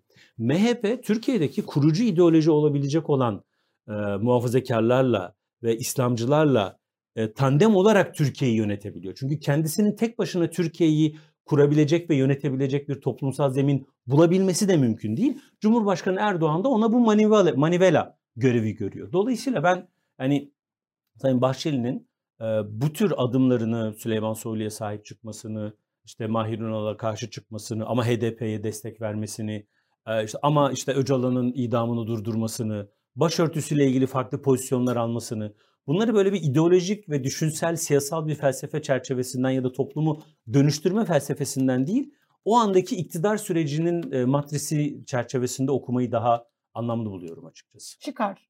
Çıkarı böyle getirdi. Ya pragmatizm de denebilir buna, çıkar denebilir, oportizm denebilir ya da siyasetin gereği denebilir. Ama bu çerçevede biz bazen siyasi liderlerin anlık açıklamalarına olandan çok daha büyük anlamlar atfediyoruz. Arkasında ne olduğunu düşünüyoruz. Bazen çok daha basit şeyler olabiliyor. Dolayısıyla ben hani tabii aslında iletişimci gözüyle baktığınızda da çok başarılı bir şey. Salıyı bekleyin dediğinizde herkes hakikaten salıyı bekliyor. Ve sonunda bir şey çıkmıyor Bütün ama, konuşmasını izletti. e, ama herkes bütün konuşmasını da e, izlemiş Ama oluyor ve pragmatizm- oyun kurucu olduğunu da ortaya Evet. koyuyor. Yani şu AK anda Partili bir grup insan Twitter titredi. aynen hakikaten Açıklama olabilir mi yapanlar. diye acaba konuştu. Hüseyin adaya veda mı edeceğiz Ondan diye. sonra e, işte sabah seninle konuşuyorduk böyle piyasada herkes nefesini tuttu seçime mi gidecek Türkiye vesaire. Bu bir oyun kurucu rolünü gösteriyor. Burada da baştakine dönelim. Yine kendi gündemimize şey yaparız hani Türkiye nereye Peki, gidiyor tamam. meselesini. Buradaki ama, Ama bu, pragmatizm e, biraz- e, yani Devlet Bahçeli'nin bu mesela Alevi konusunda da yaptı bunu. Hı hı. Geçen sene e, geçen sene diyorum yani bayağı da oldu 3 sene oldu seçim tabii. Yerel Ama seçimlerde çok özür dilerim. Ha- e, haklısın. Bunların hepsini de olumsuz da okumamak lazım. Onu da söyleyeyim. Abdullah yani Öcalan o IMF anlaşmasına imza atılması da Kemal Derviş'in getirdiği Türkiye'nin ekonomik çıkışına zemin hazırlamıştır. Abdullah Öcalan'ın idamının engellenmesi, toplumda oluşabilecek milliyetçi bir tepkinin MHP üzerinden dengelenmesi de anlamda olmuştur. Yani ben bunu sadece çıkarcılık ve menfi bir çerçeve içerisinde okumak için söylemiyorum. Sadece e, çerçevesini, bağlamını iyi görelim diye söylemek istiyorum. Kusura bakma buyurun. Yok estağfurullah. Yani burada e, Abdullah Öcalan'ın mektubu için de Abdullah Öcalan'ın mektubunu bir veri olarak ele alıp e, HDP'liler dinlemiyor. Bak Öcalan böyle diyor size. Niye hala zillet ittifakındasınız şeklinde. Evet. Onu da veri olarak almıştı. Yani bu mesela bugünkü pragmatizmi çünkü herkes bekliyor ki tam buna şey yapacak. Ne gerek ne yani mecliste grubu olan bir parti e, dedi. Yani bunu söyleyen kişi e, HDP'nin kapatılma davasını açtırtan kişi aslında değil mi? HDP kapatma davasını Bahçeli sayesinde HDP kapatılmadığı için Anayasa Mahkemesi'nin kapatılması gerektiğini savunuyor. Savunan bir kişiden Ben mesela HDP'nin yerinde olsam Devlet Bahçeli'nin bu sözünü alıp savunmama koyardım. Evet. Çok güzel bir savunma şey olur. Mecliste grubu bulunan bir parti tabii ki doğal olarak görüşülecek. Demek Tabii mecliste ki. grubu bulunan bir parti bu. evet. Ee, bu pragmatizm şöyle yani be- benim düşün, şeyim şu hani sana itiraz. Mesela İyi Parti sözcüsü mesela dün Kürşat adlı bir İyi Parti sözcüsü var. Şimdi soyadını unuttum kusura bakmasın. Kürşat Oğuz galiba. Kürşat Oğuz değil. O Değil. Habertürk. O gazeteci şey, ya. Kürşat Bey beni duyarsa herhalde keser. Bilmiyorum. Demek ki şu an bir tek Ee, onu o aklıma mesela geldi. böyle eski şeylere gitti. Haburlar, şeyler, yani bütün eski defterleri açtı. Hani e, HDP ile görüşülmesine böyle temelden karşı çıktı. Ama Devlet Bahçeli mecliste grubu bulunan bir parti dedi. Bitirdi yani o şeyi. Yani bu pragmatizm seçime doğru özellikle Kürt seçmenler açısından e, Cumhur İttifakı ve Millet İttifakı arasında bir tercih yapacaklar. Çünkü o kritik bir karar verecekler. Hı hı. Onlar açısından biraz şey değil mi? Yani Erdoğan mesela işte TDP'de de görüşebiliyor. Arada çözüm süreci de diyor. Devlet Bahçeli de hani buna çok da hani itiraz edecek gibi de durmuyor. Ama diğer tarafta mesela HDP asla HDP ile görüşülmez, asla selam bile vermeyeceğiz diyen bir grup en azından. Muhalefet içerisinde güçlü bir blok var. Bu kafa karıştıracak bir şey değil mi? Tabii ki kafa karıştıracak bir şey. Özellikle muhalefetin e, Kürtlerle ilgili nasıl bir e, gelecek tasavvurunun olduğunu ben de merak ediyorum. Yani bazı somut verilerde anlaşmak mümkün işte eşit vatandaşlık. Tabii kardeşim herkes bu ülkenin vatandaşı. Fakat bu sorunun çözümüne dair ne diyorsunuz? Yani Roboski'yi ziyaret etmenin ötesinde CHP'nin anayasadaki vatandaşlık tanımını değiştirmeye dair bir adımı var mı? Ben merak ediyorum. Bu konuda en net konuşanlar Gelecek ve Deva Partileri. Parti programlarında, ana dilde, eğitimde dahil olmak üzere net bir duruşları var. Fakat ana kurucu iki partinin, CHP ve e, İyi Parti'nin bu konuda ne dediğiyle alakalı benim de çok ciddi soru işaretlerim var. E, fakat burada e, hani insanlar neye göre oy veriyorlar, seçimin kaderi ne olacak onu konuşacağımız zaman şu anda bence Türkiye'deki en büyük koalisyon Erdoğan'a oy vermeyeceğim diyenler koalisyonu. Türkiye'nin en büyük siyasal entitesi, Türkiye'nin en büyük siyasal bütünlüklü, kendi içerisinde ortak bir algısı olan yapısı Erdoğan'a oy vermeyecek olanlar. Ve Kürtler de bunun bir bölümünü oluşturuyorlar. Ve seçimlerde rol oynayacak olan ana motivasyonu Erdoğan'a oy vermemek olduğunu düşünüyorum. Ve dolayısıyla bu dediklerini kafa karıştıracak fakat bu kafa karıştırıcılık, bu sinyal bozuculuk tırnak içerisinde Erdoğan'a oy vermemenin ötesine geçecek mi? Bu bir soru işareti. Neyi kastediyorum? Bugün e, hatta geçen bir yazıya da bir e, okurumuz mail atmış. E, işte Kürtlerin eşit, eşit vatandaşlık hakkı ile ilgili. E, nereden çıkarıyorsunuz böyle bir talep mi var diye. Şimdi anayasal olarak Kürtlerin seçme hakları yok. Yani olur mu canım sandık kuruluyor, oy veriyorlar. De, yerel seçimde seçtikleri herkes hapse atıldı ve görevden alındı. Dolayısıyla yani nerede bu seçme hakkı? Ve bunu yapan kim? Cumhurbaşkanı Erdoğan. Ve onun e, İçişleri Bakanı Süleyman Soylu. Kim tarafından destekleniyor? MHP tarafından. Bu çok somut gerçek bir vaka. Yani sen de geçenlerde işte galiba Van'daydınız ya da Diyarbakır'daydınız. Ya orada sokakta her gün gördüğümüz bir hadise. Bugün iktidar somut olarak söylemin ötesine geçen e, Kürtlerle arasına bir duvar örmüş vaziyette. Onların seçtiklerini görevden alarak, e, daha önce verdiği hakları tanımayarak Kürtçe konuşmak vesaire konusunda, özgürlükleri belli noktalarda sınırlayarak. Dolayısıyla bu somut sahadaki e, Kürtleri rahatsız eden, Kürtlerle arasını açan e, duvarın ötesine geçebilecek e, kadar kafa karıştırabilirse muhalefet o zaman Kürtleri kaybedebilir. Ve bu da Öcalan mektubuyla, Kandil'den gelecek mesajlarla, başka şeylerle desteklenirse o zaman Kürt oyları e, e, iktidar açısından daha az zararlı. İktidara yöneleceği biraz zor ama gitmeyebilir. Mesela bunu engellemek için bence Selahattin Demirtaş uzun süredir böyle bir U dönüşü imkansız kılacak adımlar atıyor. Yani hapishaneden yazdığı mektuplarla hem kitlesiyle arasındaki e, diyaloğu diri tutuyor hem de öylesine bir HDP kitlesini kendisine bağlayarak iktidar karşısında pozisyonlandırıyor ki bir U dönüşü yapmayı her geçen gün daha da zor bir hale getiriyor. Ben o konuda da hani Kürt seçmeninin bir tane mektupla, iki tane mesajla dönüşebileceğini çok düşünmüyorum açıkçası. Ama Biz, mesela Yani- İyi Parti'de kayyumlar konusunda hiçbir şey demiyor. e, Bazen güçlendirilmiş şey parlamenter sisteme geçişte. Nasıl yani? güçlendirilmiş yani. parlamenter Mansur sisteme Yavaş mesela Demirtaş'la ilgili bir tane inşallah dedi diye açıklama yaptı. Hayır ben inşallah falan demedim yani önümüzdeki dönemde Hani bir bunlarda iyi- da iyi- onlarda iyi- da çok iyi- iyi değil karne yani. Yani CHP'de iyi, Deva gelecek onlar zaten iyi, Saadet öyle. Ama orada mesela İyi Parti diye bir şey var. Hani o Kürtler açısından kafa karıştırıcı şey olan Dediğin o zaten. doğru ama son tahlilde İyi Parti bir koalisyonun parçası olmak zorunda. Eğer tek başına iktidar olursa bu dediğin endişeler çok daha ciddi olabilir. Koalisyonun içinde olmakla birlikte bile İyi Parti kendisiyle ilgili bu endişeleri gidermek zorunda. Ama ortak ortaya koydukları bir tane metin var. Güçlendirilmiş parlamenter sistem Orada metni. kayyumlarla bir şey var mı? Ee, orada yanlış hatırlamıyorsam e, Saadet Partisi'ydi o bölümü okuyan ve kayyum e, düzenine itiraz eden bir cümle vardı ve ben buna biraz şaşırmıştım açıkçası. Yanlış hatırlamıyorsam Saadet Partisi sözcüsü buna dile getirmişti. Ee, dolayısıyla hani bunu İyi Parti'nin bu konuyla ilgili e, endişeleri gidermesi gerekiyor. Ama e, mesela Ankara'daki bir süreci söyleyeyim çünkü belediyeyle de yaptığım temaslarda gördüğüm. E, Mansur Yavaş seçilirken e, Mansur Yavaş'a oy vermeyen ve daha çok Kürt nüfusun yoğunluklu olduğu ilçelerde şu anda Mansur Yavaş eskisine göre daha popüler. Çünkü hizmette Ankara Büyükşehir Belediyesi bir ayrım yapmıyor. Mesele sadece otobüs ve su hizmeti midir tartışılır. Mevzu siyasal bir kimlik problemi. Ama bunun böyle bir yansıması da var. Ve İyi Parti de son tahlilde bir koalisyonun parçası olacak ama bu sorulara da cevap vermesi gerekiyor. Peki Çünkü Kürt Erdoğan'a meselesi- karşı olanların Kürt oranı kaç meselesi- mesela anketlerde? şöyle Sadece söyleyeyim. Erdoğan. Benim temel şeyim Erdoğan karşıtlığı diyen kaç Bu, insan bu, var?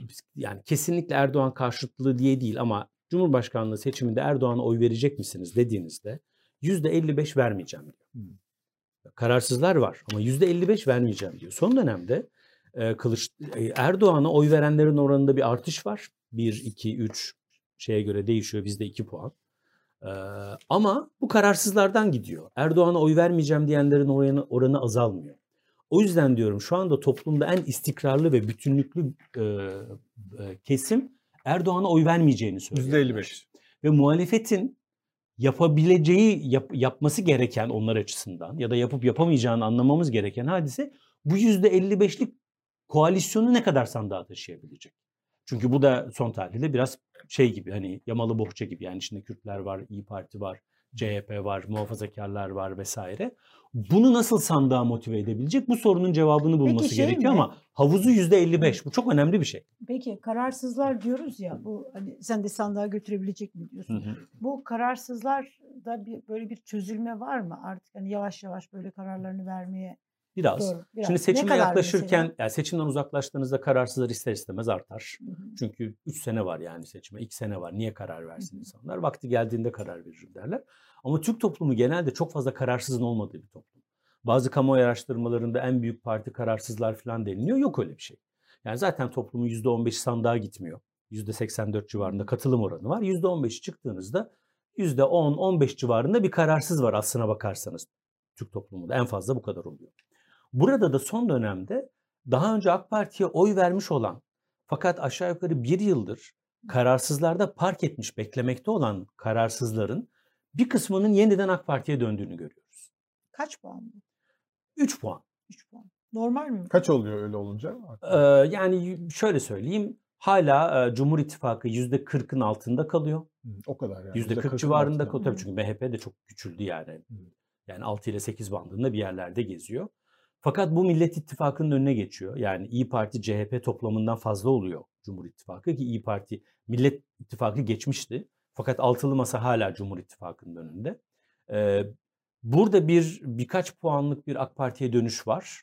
Eski AK Parti'ye oy vermiş olanlar karşıda bir şey göremedikleri için. Pardon bir Ha, tekrar sebep bir şey göremedikleri için mi yoksa mesela bunu Bu, bu bir yorum ama yani kararsız da beklediler. var dış politikadaki mesela hani dış politika iç içeride seçmenin böyle hani e, düşüncesini seçmen davranışını bu kadar etkileyen bir şey mi buna? bir nebze etkiliyor. Yani tek motivasyon kaynağı bu demek doğru değil.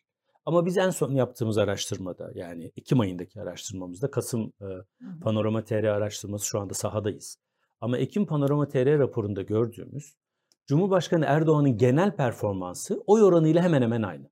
Eskiden böyle değildi. Eskiden e, Erdoğan'a %40 oy veriliyorsa Erdoğan'ı başarılı bulanlar 50-60 civarındaydı. Niye? İşte Erdoğan yol yaptı, sağlık hizmeti iyi ama ben CHP'liyim oy vermiyorum diyordu. Şimdi başarılı bulanlarla Erdoğan'a oy verenler hemen hemen aynılar. O da 35 civarında artı eksi 2-3. Ee, Ekonomi performansını sorduğumuzda 20'ler civarında bir rakamla karşılaşıyoruz. Ekonomi performansında ya hatta şöyle bir şey var. Eskiden Erdoğan başarılı bulup fakat Erdoğan'a oy vermeyenler vardı. Şimdi Erdoğan'ı başarısız bulup Erdoğan'a oy verenler var. Tersine bir dinamik işliyor. Fakat dış Sebep politika ne? performansını sorduğumuzda da kimlik. Onu yine Kimlik, konuşuruz. evet. Ama e, kimlik ve e, korkular, güvenlik ihtiyacı. Ama dış politika performansını sorduğumuzda yüzde 40'ın üzerinde bir başarılı algısı var. Yani Cumhurbaşkanı Erdoğan'ın tahal koridoru beğenelim beğenmeyelim. Tutarlı bulalım, tutarsız bulalım. Ama baktığınızda işte Semerkant'ta Şangay İşbirliği Örgütü toplantısında bir fotoğraf veriliyor. Sonra BM Genel Kurulu'nda başka dünya liderleriyle fotoğraf veriliyor. Prag'da Avrupa Siyasi Topluluğu'nda bir fotoğraf veriliyor. İşte Putin'le konuşuyor. Bazı siyasi ve dış politika yorumcularına göre kurgu bile gözükse tahır koridoru bir gün kapanıyor bir gün açılıyor Erdoğan'ın araya girmesiyle. Ama son tahlilde bunun içeride bir güç projeksiyonu var, bir şeyi var. Ve insanlar bakıyorlar mesela çoğunluk işte atıyorum bir gaz problemi görmüyor. Niye gaz problemi görmüyor? Çünkü Erdoğan'ın başarısı olarak algılıyor. Ben bunun e, Erdoğan'a olumlu oy yansıması olmuyor olabilir bunu kabul ediyorum ama erimesini durduruyor. Ve Cumhurbaşkanı Erdoğan bütün her şeye rağmen, ekonomik krize rağmen neredeyse 3 haneli enflasyonları görürken, e, ekonomideki yaşanan problemlere rağmen hala tek başına e, parti olarak en yüksek parti. Arkasındaki CHP ile hala arasında 5 puandan fazla fark var. Bütün bunlara rağmen. Ve e, AK Parti, e, MHP ittifakı da şu anda Millet İttifakı'nın önünde. Fakat burada kritik mesele şu, Cumhurbaşkanı Erdoğan'ın aldığı bu oy oranı kazanmasına yetmiyor. Az önce dediğim gibi asıl hala büyük kitle %55'lik Erdoğan'a oy vermeyeceğim diyenler kitlesi. O zaman seçim bitti. Diyebilir Sorun şu şimdi Sorun- biz araştırmacı olarak var. Mecliste kaybedecek ama Tabii, tabii. Cumhurbaşkanlığını Hayır, kazanacak. %55 eğer Erdoğan oy vermeyecek olsa kararlıysa muhalefet kazandı o zaman. şimdi Cumhurbaşkanlığı. O kadar kolay baktığında- olsaydı herhalde hani bize de çok o kadar kararlı değiller açalım. demek ki Cumhurbaşkanı Mesele Erdoğan'a şu, şimdi karşılıklı. bu, bu çok önemli bir ama son tahlilde elimizde bir veri. %55'lik bir kitle diyor ki ben Erdoğan'a oy vermeyeceğim. Bu bir veri elimizde. Fakat son tahlilde araştırmacılar yani bizim yaptığımız iş son tahlilde hipotetik sorular soruyorsunuz. Niye hipotetik sorular soruyoruz? Çünkü Erdoğan'ın karşısındaki adayı bilmiyoruz. Erdoğan'ı tek başına sorduğunuzda oy vermeyeceğim diyorlar. Fakat dediğinizde muhalefetin adayı kim olursa olsun oy verir misiniz dediğinde adaya bakacağım öyle karar vereceğim. diyor. E- Hatta bunların bir kısmı adayı beğenmezsem Erdoğan'a gidebilirim de diyor. Küçük bir kısım. O kadar Ya hani Erdoğan'a karşı değil. Masa önemli. Mesela altılı masadaki siyasetçilerin büyük bir çoğunluğu da hadi canım yani masa önemli. Kim olursa olsun Erdoğan'ın karşısına kazanır diyenler var. Ya şöyle bir şey söyleyeyim. Yani Erdoğan'ın karşısında kim olursa olsunu diyebiliriz. Çünkü böyle bir motivasyon var. Ama bu da şöyle bir şey değil. Yani bu bir kere seçmeni de çok özür dilerim ama çok yok saymak anlamına geliyor. Yani Türk toplumu sandıkla arasındaki bağı çok güçlü bir toplum. Ay, Yo hayır o masada altı, altı şey var. Siyasi parti lideri var. E Bu- doğru ama diyelim ki altısı masa- zaten Masa yapmazlar da. kazanır dediğin zaman orada bir tablo şey var. Aile Doğru ama var. a- aile ailenin toplam olduğu mesela Kürtler olmadan e, aldıkları oy oranı işte yüzde 45 civarında. Onlar da yüzde 50'ye ulaşmış değil. Ben Erdoğan'ı tek başına düşündüğümüzde yüzde 55 diyorum. Ama 55'tir ve iş bitmiştir demek Türkiye'de hani seçmenin hiçbir söz hakkı olmadığı gibi bir şeye geliyor. Yani kimi koysanız önüne değil işte. Yani mesela e, geçenlerde malum hani e, Fakı Baba e, şeyini düşündük. İşte Urfa'ya AK Parti kimi koysa seçilirdi. Seçilemedi. Baş- Karşısına Evet. birisi çıktı ve o seçilebiliyor. Bunu bu görüldü. İstanbul'da ikinci turu zorladı Erdoğan. Daha önce AK Parti'ye oy verenlerin bir kısmı gittiler. CHP logosunun altına oy bastılar. Dolayısıyla seçmenin an itibariyle söyleyebileceğimiz genel kanaati Erdoğan'a oy vermemek yönünde. Fakat bunun da son kararınız mı diyor ya o yarışmada. Hı. Ha, Son kararını vermek için doğal olarak adayı görmesi gerekecek. Ve adaya göre belki Erdoğan'a yine oy vermeyecek ama sandığa gitmeyecek. Hı. %10 sandığa gitmediğinde bunun %5'ini Erdoğan'a yazıyorsunuz. %5'ini de muhalefet e, adayına yazıyorsunuz. Bunlar belirleyici faktörler. Ama Fakat bu muhalefetin lehine olan şey Erdoğan karşıtlığının önemli bir noktada olması. Muhalefet seçmenin ise kafası karışık. Kafası karışık olmasının sebebi de muhalefet liderlerinin kafası karışık. Şimdi Osman şöyle bir şey yok mu? Mesela hani e, kimlik siyaset diyoruz ya kimlik, ideoloji yani başörtüsü diyelim. 28 Hı hı. Şubat üzerinden Erdoğan işte işte siyaset yapıyor. Ailelere baktığımızda bununla alakalı olarak diyelim ki 50 yaş üstü anne baba 28 Şubat'ı görmüştür, geçmişi görmüştür, koalisyonlu dönemleri görmüştür. Hala böyle hani o 28 Şubat başörtüsü bütün bunlar onun için çok değerlidir. Fakat o ailenin 3 tane çocuğu varsa oy veren hani AK Parti döneminde doğmuş ve bugün 20 yaş, işte 22 yaş, 23 yaşında olan hani çok böyle yaşı da genç tutuyorum. 3 tane çocuğu varsa anne baba 2 kişi, çocuklar 3. Anne babaya Erdoğan hitap edebilir ama bu gençlere geldiği zaman dünyayla entegre olmuş. Başörtüsü dediğin zaman dünyasında yeri yok. O daha iyi bir eğitim istiyor. Daha böyle hani başka şeylere bakıyor. 28 Şubat dediği zaman onun dünyasında yeri yok. İşte milliyetçilik başka bir... Ya bunlar hiçbirisinin onun dünyasında yeri yok. Dolayısıyla Erdoğan o iki kişinin oyunu alabilir ama anne babanın. Gençlere geldiği zaman o gençlere ulaşamıyor. Yani bu AK Partili milletvekillerinin çocuklarında da böyle. Yani baba ya da anne AK Parti'den milletvekili ama çocuk Çocuklarına kendi çocuk partisine oy babası veriyor. tabii çocuk babasına oy vermiyor gidiyor başka birisine oy veriyor. Yani bu AK Parti'nin önünde bence böyle bir sorun var. Doğru kimlik, doğru işte hani kopamayan böyle ama o gençler başka bir şey. Şöyle yani hem katılıyorum hem katılmıyorum. Katılıyorumun şeyi şu AK Parti gençlere ulaşmakta zorlanıyor. Hatta CHP biraz daha fazla oy alıyor. Niye? Çünkü CHP dediğinizde de işte CHP demek Ekrem İmamoğlu demek, Mansur Yavaş demek, Canan Kaftancıoğlu demek. Hatta Kemal amca demek. O çok uzak gelmiyor olabilir. Ama son tahlilde de bu genç nesil de oksijen çadırına doğmadı. Yani anne babalarından sürekli eskilerin hikayelerini dinliyorlar. Ve bizim yaptığımız araştırmalarda oy verme davranışını ve toplumsal ilgili kanaatlerini en fazla ailesinden alan seçmen kitlesi gençler AK Partili ve MHP'liler. Çünkü aile bağları o sosyal bağlar Doğru. daha hala işlediği için ben hani aile bağı güçlü dediğimde CHP'lilerin güçlü değil değil. Onun da bir aile bağı var ama sosyalleşme ve şekillenme süreçleri biraz daha farklı.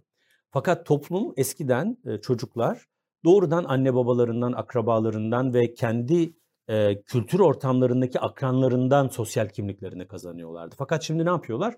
Odalarına geçiyorlar, bilgisayarlarını açıyorlar ve işte Konya'da olan İstanbul'dakiyle, İzmir'de olan Diyarbakır'dakiyle, Trabzon'daki Antalyalı ile etkileşerek siyasal kimlik kazanıyor. Dolayısıyla burada da AK Parti özellikle de gelecek vaat etmediği için bir e, gençlere ulaşmakta zorluk yaşıyor. Başörtüsüyle ilgili CHP'nin kendisine dair ön yargıları kırması önemli. Niçin önemli? Ona oy vermeyeceklerin o refleksini gidermek için. Bu doğru. Peki neden oy verecekler?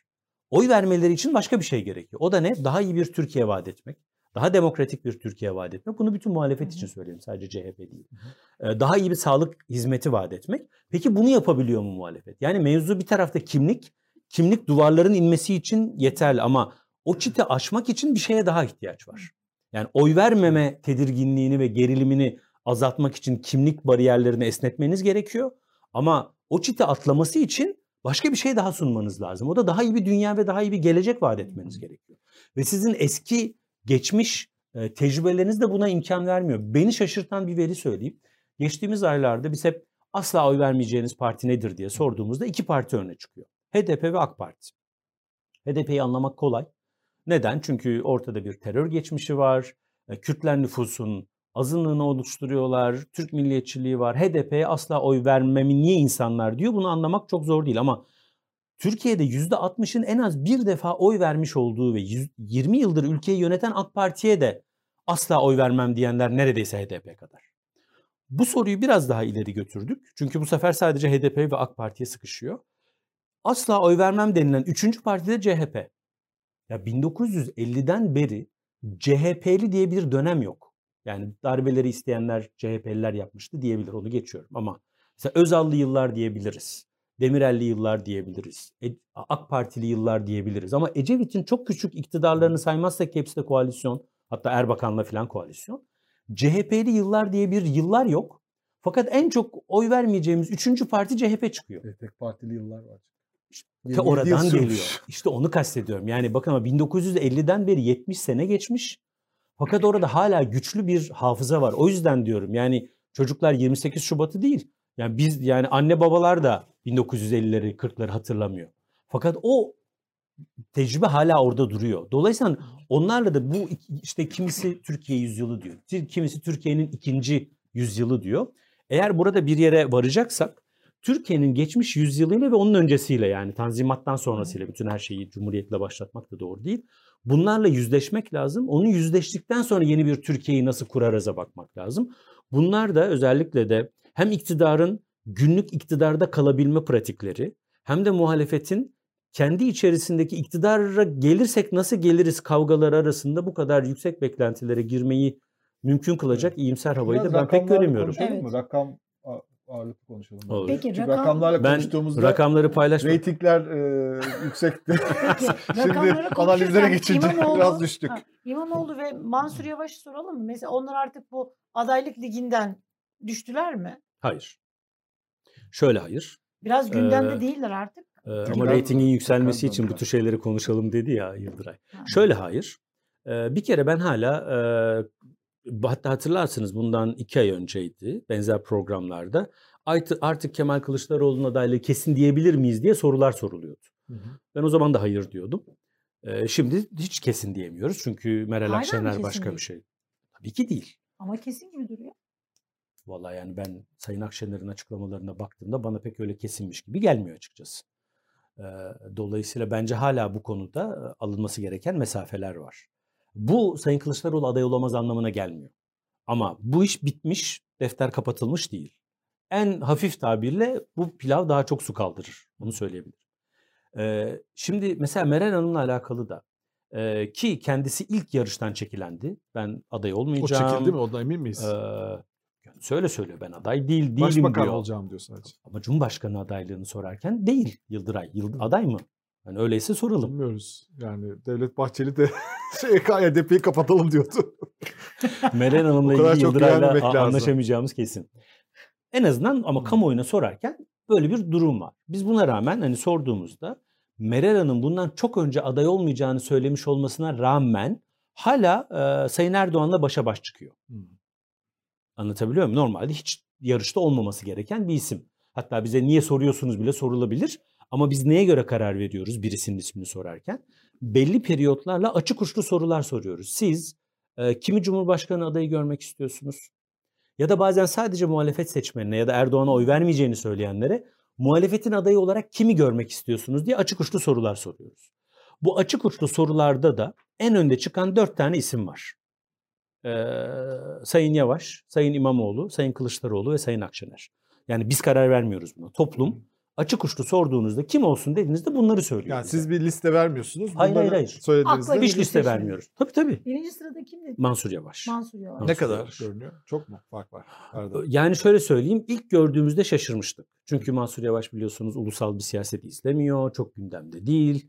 Bir de e, siyasal iletişimde, kampanyalarda, partilerin bilinirlik oranlarında bir ismin ya da markanın ya da partinin çok önemli bir oy oranına ya da bilinirlik oranına ulaşması için bir kampanya gerekir. Fakat şaşırtıcı bir şekilde e, Ekrem İmamoğlu çok baştaydı şeyin yerel seçimlerden hemen sonra. Mansur Bey çok arkalardaydı ama Sayın Yavaş belli bir süre sonra ciddi olarak öne çıktı ve açık ara hep önde çıkmaya başladı. Bu da hala devam ediyor. Dolayısıyla açık uçlu sorduğumuzda da Mansur Bey birinci sırada.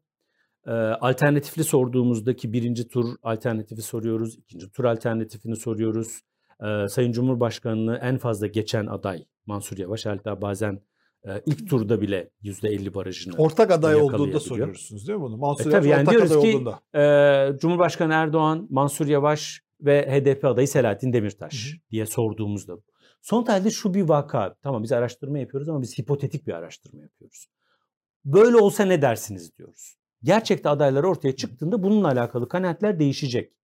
Bunu koyalım yani bunların hiçbirisi kutsal metin değil. Yani biz bilimsel ölçeklerde, doğru örneklemle, doğru soru formatlarıyla bir e, karar vericilere ve topluma bir veri sağlamakla mükellefiz. Sonra Ekrem İmamoğlu geliyor. E, Sonra Ekrem İmamoğlu geliyor. Sonra Kılıçdaroğlu. E, Meral Akşener Meral Akşener çok geliyor. evet, Kılıçdaroğlu'ndan e, önce. şey yapmadın ama başa baş geliyor hala. Yo, bir şey yaptı Sayın ben Meral Sayın. Sayın Sadece- Kılıçdaroğlu e, 3-4 puan arkasında Sayın Erdoğan.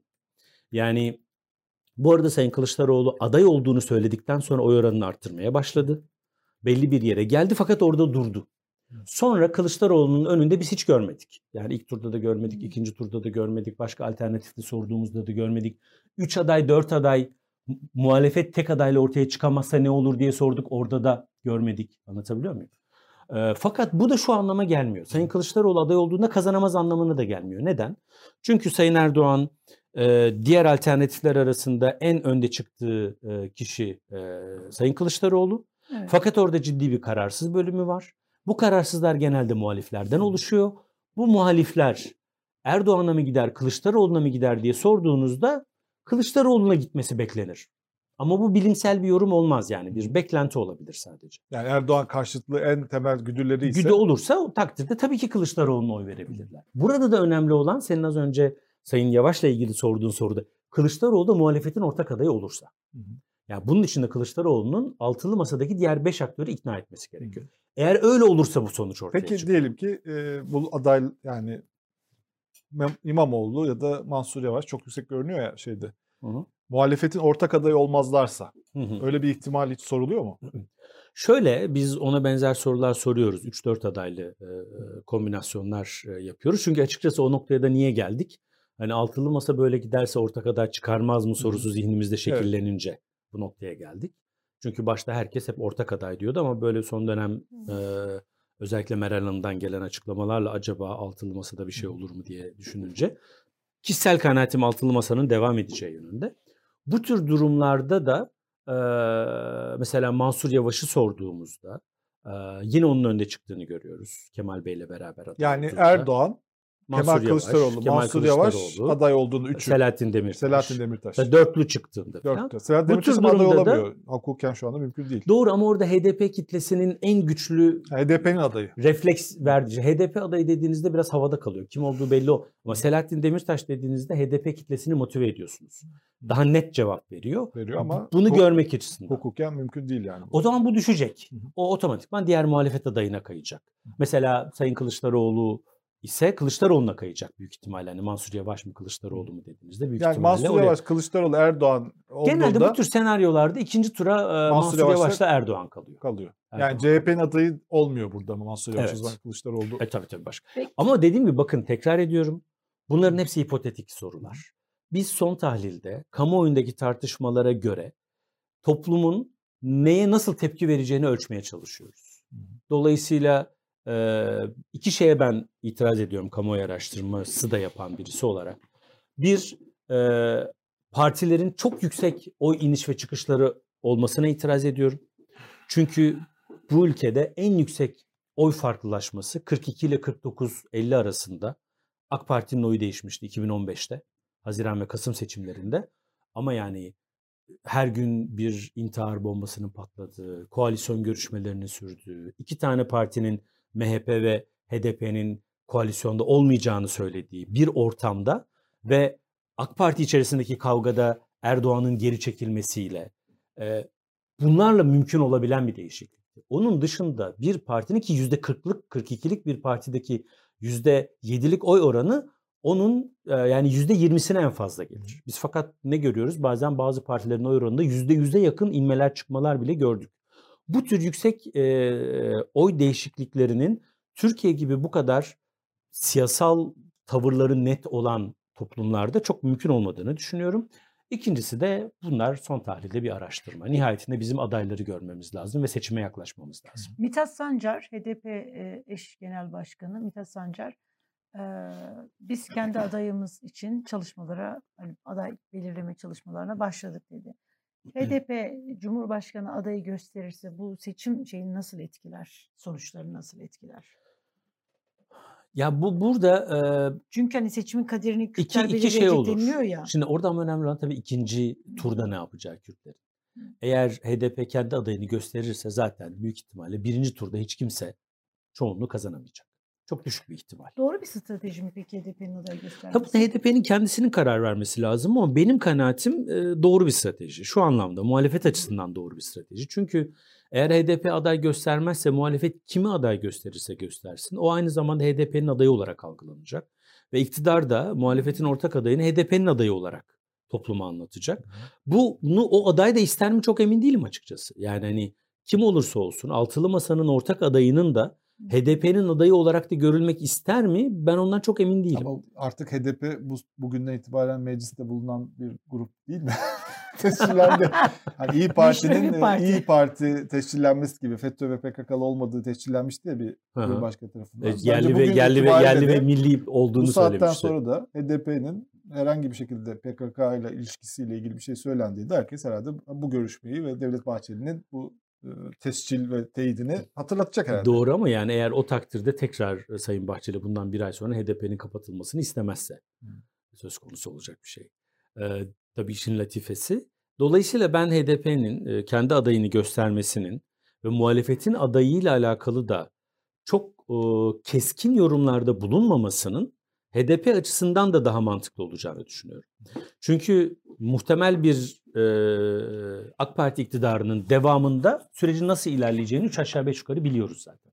Hatta AK Parti bilakis e, daha esnek bile davranabilir. Ama muhtemel bir iktidar değişikliğinde yeni gelecek olan Cumhurbaşkanıyla köprüleri ilk baştan yakmış olmak doğru bir strateji midir HDP açısından? HDP Mansur Evet. Yavaş'a destek vermediğini, liderlere söylediğini söylediler. E, Doğru şöyle bir şey de var. Yani ben onu anlıyorum ama çok keskin konuşmak e, bir her parti kendi kanaatini ifade eder ve beklentilerini de dile getirmekten meşru bir şey yok. Yani Mansur Yavaş Cumhurbaşkanı adayı olacaksa Kürtlerle ilgili nasıl bir Türkiye öngördüğünü de söylemek zorunda. Ona göre de HDP ve Kürtler nasıl oy vereceklerine karar verecekler. O tartışmasız bir şey. Ama baştan bazı e, çizgileri çok sert çizdiğinizde düşük bir ihtimal ama bütün muhalefet ortak aday olarak Mansur Yavaş'ı gösterdi ve birinci turda Mansur Yavaş Kürtlere mecbur olmadan aldı. Hiçbir konuşma şansınız kalmayacak Mansur Yavaş'la. Yani sizinle hiçbir e, mecburiyet ilişkisine girmeden seçilmiş bir cumhurbaşkanı ya da 49'da seçildi. Geriye %1 kalıyordu. Yani HDP oy verdiği için seçildi diyemeyeceğiniz bir yerde duruyor Mansur Yavaş. Bu HDP için doğru bir strateji midir? Bu şu anlama gelmiyor. Yani e, gayet doğal. Her adayla ilgili HDP'nin beklentilerini dile getirmesi ve haklı meşru taleplerini dillendirmesi gerekiyor. Bu ayrı bir şey. Ama çok net bariyerler ve duvarlar koymanın uzun vadede Türk siyasetinin normalleşmesine ne kadar hizmet eder? Nasıl ki bir beklenti varsa çok meşru bir beklenti yani kim aday olursa olsun Türkiye'nin ana yarılma konularında, Alevi meselesinde, Kürt meselesinde, kimlik sorunlarında, soldan birisi gelecekse seküler muhafazakar yarılımında ne yapmalarına dair şeyler, beklentiler dile getiriliyorsa HDP'nin de normalleşmesi gerektiğini gözden göz ardı etmemek lazım. Yani eğer 2015 Haziran'ında bazen geriye dönüp düşünüyorum o zamanlar hükümette danışmandım. Demirtaş çıkıp çok yukarıdan bir dille AK Parti'yi itmişti. Ve hani HDP de MHP de aynısını yapınca zaten ikinci tur Asmayacağız, neredeyse yargılayacağız dedi E, Demirtaş. o tür cümleler. Şimdi siz bunu demek yerine biz e, Türkiye Partisiyiz. Asla AK Parti ile koalisyonda olmayız. Ama azınlık hükümeti de olsa Türkiye'nin hükümet olması, Türkiye'nin hükümetsiz kalmaması için HDP olarak üzerimize düşeni yapmaya hazırız deseydi ne olurdu diye kendi kendime soruyorum. Şimdi herhalde düşünüyordur niye öyle demedim diye.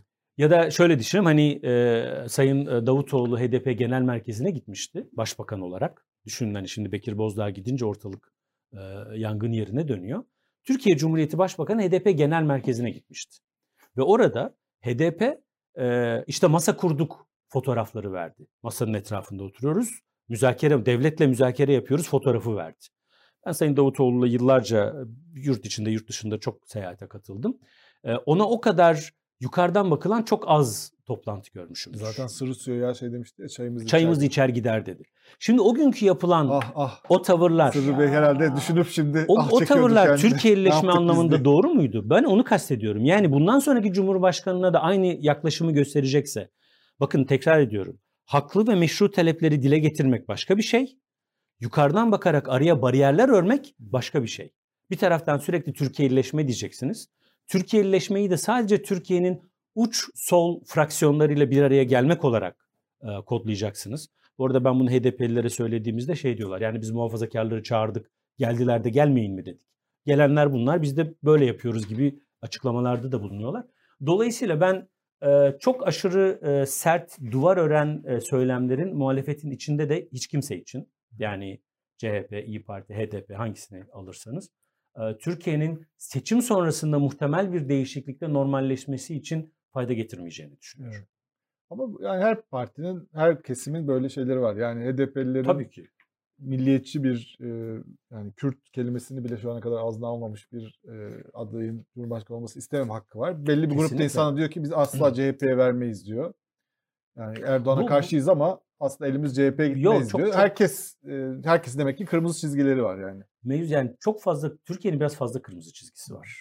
Hani bunları birazcık e, rengini açabilsek. Yani, yani herkesin çok net kırmızı çizgileri var. Halbuki aynı ülkede yaşıyoruz ve aynı geleceği paylaşmak zorundayız. O kadar çok kırmızı çizgimiz var ki oturup hiçbir şey konuşamıyoruz. Herkesin kırmızı çizgisi var ve işin kötüsü de herkes kırmızı çizgisinde belli bir noktada da haklı. Yani hani yani birçok insanın, yani toplumun birçok kesiminin kendi kırmızı çizgisini besleyecek yeteri kadar e, hafızaya sahip. Ama bunun e, bununla gidilecek yerin de bir, bir sınırı var. Altılı masa bu kırmızı çizgilerin esnetilmesinin Türkiye'ye ne katabileceğini gösterdi. Tanzimattan beri Kürt siyasi hareketini kenarda tutun, bütün hemen hemen siyasal hareketlerin aynı masa etrafında buluşabileceğini gösterdi. Şimdi altılı masa e, dediğimizde mesela şimdi iki tane belediye başkanı anketlerde e, bir Nispeten şey, önde çıkıyor. önde çıkıyor. E, Kılıçdaroğlu ise altılı masayla kendini bütünleştirmiş durumda. Yani altılı masa, dostlarımız iktidara geleceğiz. Sürekli altılı masadaki partilere de şey yapıyor. Ama bu belediye başkanları tabii böyle bir şeyleri de yok tabii. Hı hı. Altılı masayla beraber hareket edemezler. Fakat sanki onlar altılı masa dışında kendi kariyerleriyle, kendi kişilikleriyle, kendi popülariteleriyle iktidara talipler. Yani Cumhurbaşkanı hı Erdoğan hı. karşısında onlar Kılıçdaroğlu ise altılı masayla beraber orada.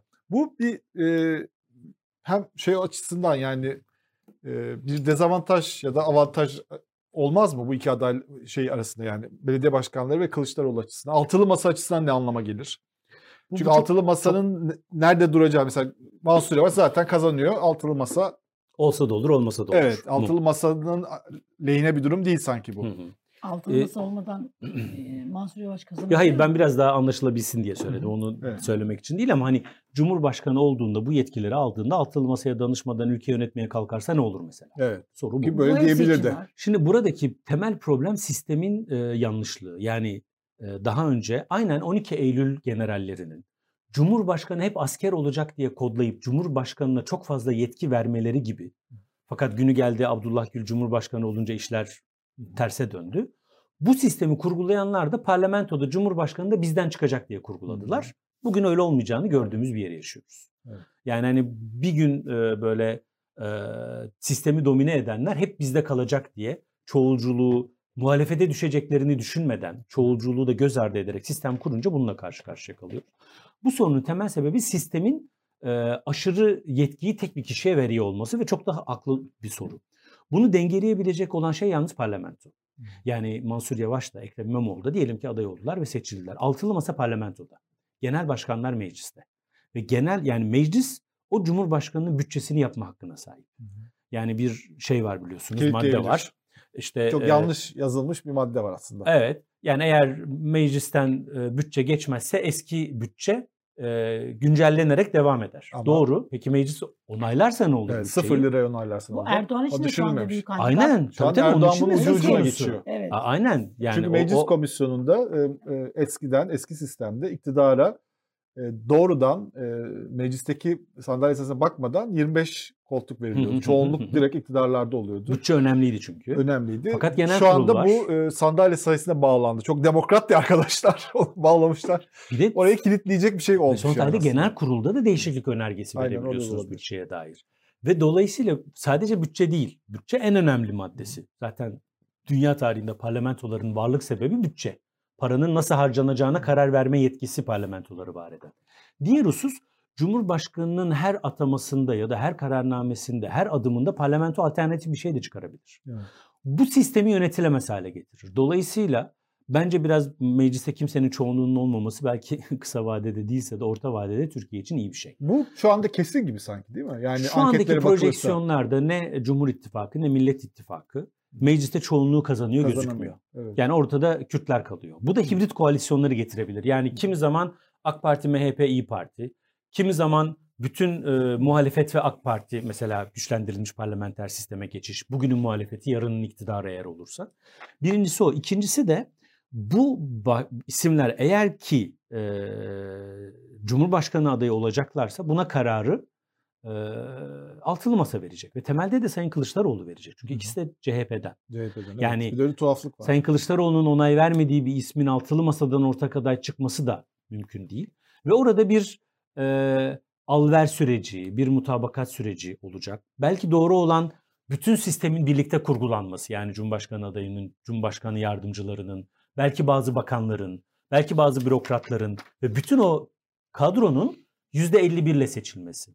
Böylece birlikte kampanya yapılıp seçildiğinde, seçim yapmış bir kadro olarak iktidara gelindiğinde Cumhurbaşkanı alttakilere dönüp kardeşim ben %51 aldım siz kimsiniz sizi ben atadım diyemeyecek. Onlar da diyecek ki ben de seçildim geldim. Beraber kampanya yaptık. O %51'i beraber aldık diyebilirler. Bu ara formül bulunabilir. Burada önemli olan altılı masanın bu konuda ne yapmak istediğine karar vermesi.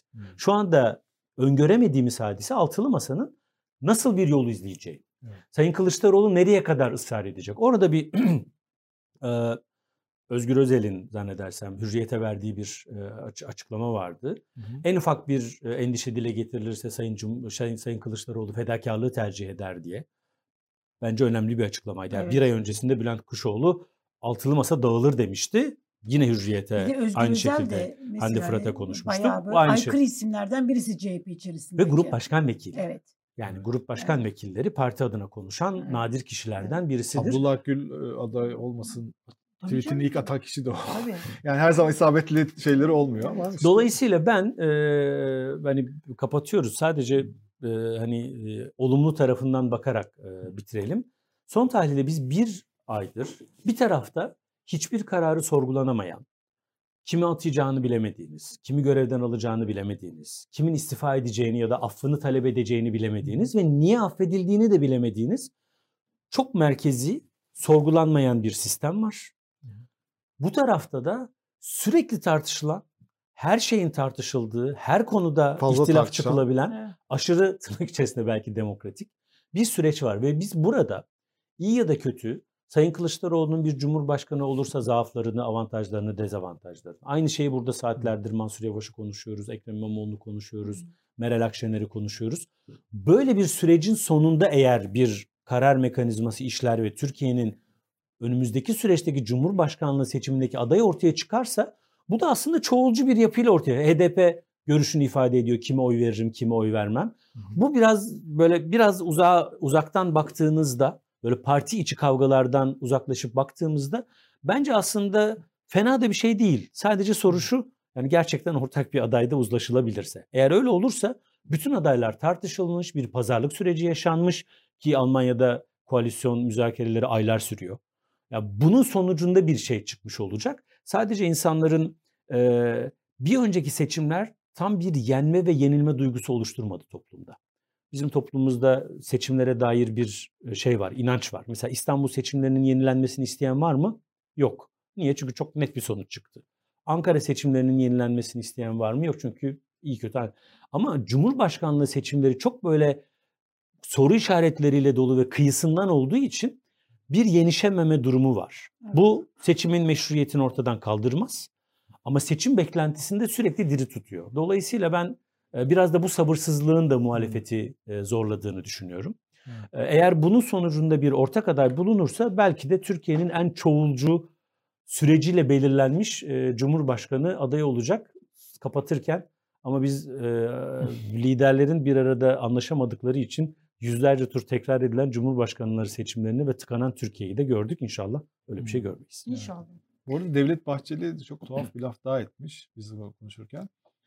Demiş ki Kılıçdaroğlu CHP'nin başına paraşütle indirilmiş, özel görevlendirilmiş taşeron bir siyasetçidir. Bu görev Atatürk'ü itibarsızlaştırma ve CHP'yi silme görevidir. Bu görevin temelinde Dersim isyanı rövanşını almak vardır demiş. Çok acayip. Hayırdır inşallah. Umarım böyle hani Atatürk'ü korumak, CHP'yi korumak için CHP Dersim isyanı rövanşını alıyormuş Kılıçdaroğlu. Allah Allah Allah. Allah. Dersim isyanı ile ilgili özür dileyen siyasetçi Cumhurbaşkanı Erdoğan. Evet. Dersim katliamı ile ilgili. Yani o zaten rövanşı alan birisi varsa rövanş, Sayın, evet, Sayın Erdoğan. yani. Acayip bir kafa ya. A- Allah'ım. Hepimizi en sonunda delirtecekler. Böyle hani hep beraber kafa, herkesin kafa. Bir de bu e, seçim olacak, seçim açıklayacak diyen e, İyi Parti ve e, İstanbul Belediyesi Grup Başkanı İbrahim Özkan biz de burada da konuk Hı. etmiştik onu. O da demek ki neymiş? Türk milliyetçilerin gideceği tek parti İyi Parti'ymiş. Bu durum tescillenmiştir diye mesaj yazmış. Yani Çok ilginç. ülkede yaşamasak İbrahim gerçekten Bey- güzel bir ülke ya. Vallahi. Çok teşekkürler Çok Osman. teşekkürler. Bu arada Teşekkür ederim. izleyicilerimizin arasında böyle şey 15 dakika konuşmalarını özledik Osman Bey'in. Gerçekten var mı yoksa sen mi? e, Yo, yo, yo, Yok var valla bayağı yorum. Ha, bayağı- izleyicilerimiz bilmiyordur. Sen bu konuda beni çok fazla hani baskı altına alan 15 dakikayı yap Yok, diyen inan- olduğun için söylüyorum. Yok yani. yok hayır. Vallahi ben de görüyorum. var.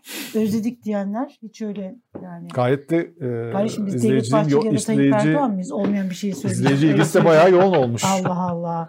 Teşekkür ederim. Bütün her şey burada yani izleyiciler.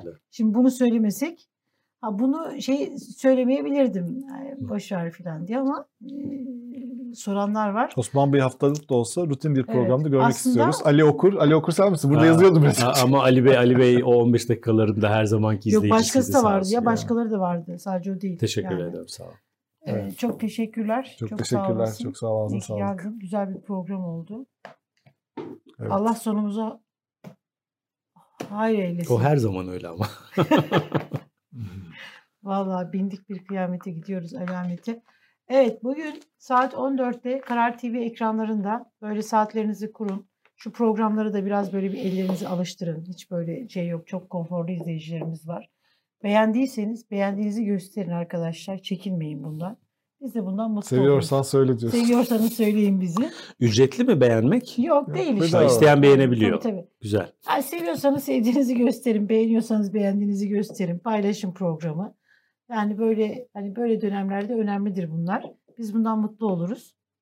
Ee, eee, saat Evet. 14'te Karar TV ekranlarında Ahmet Taş getiren ve Mehmet Ocak'tan Buradan Bakınca programıyla karşınızda olacak. Yarın biz Yıldıray'la yine sizin karşınızda olacağız beraber. Ee, kim olacak? CHP Ankara Milletvekili Levent Gök bizlerle birlikte olacak yarın programımızda. Görüşünceye kadar kendinize iyi bakın.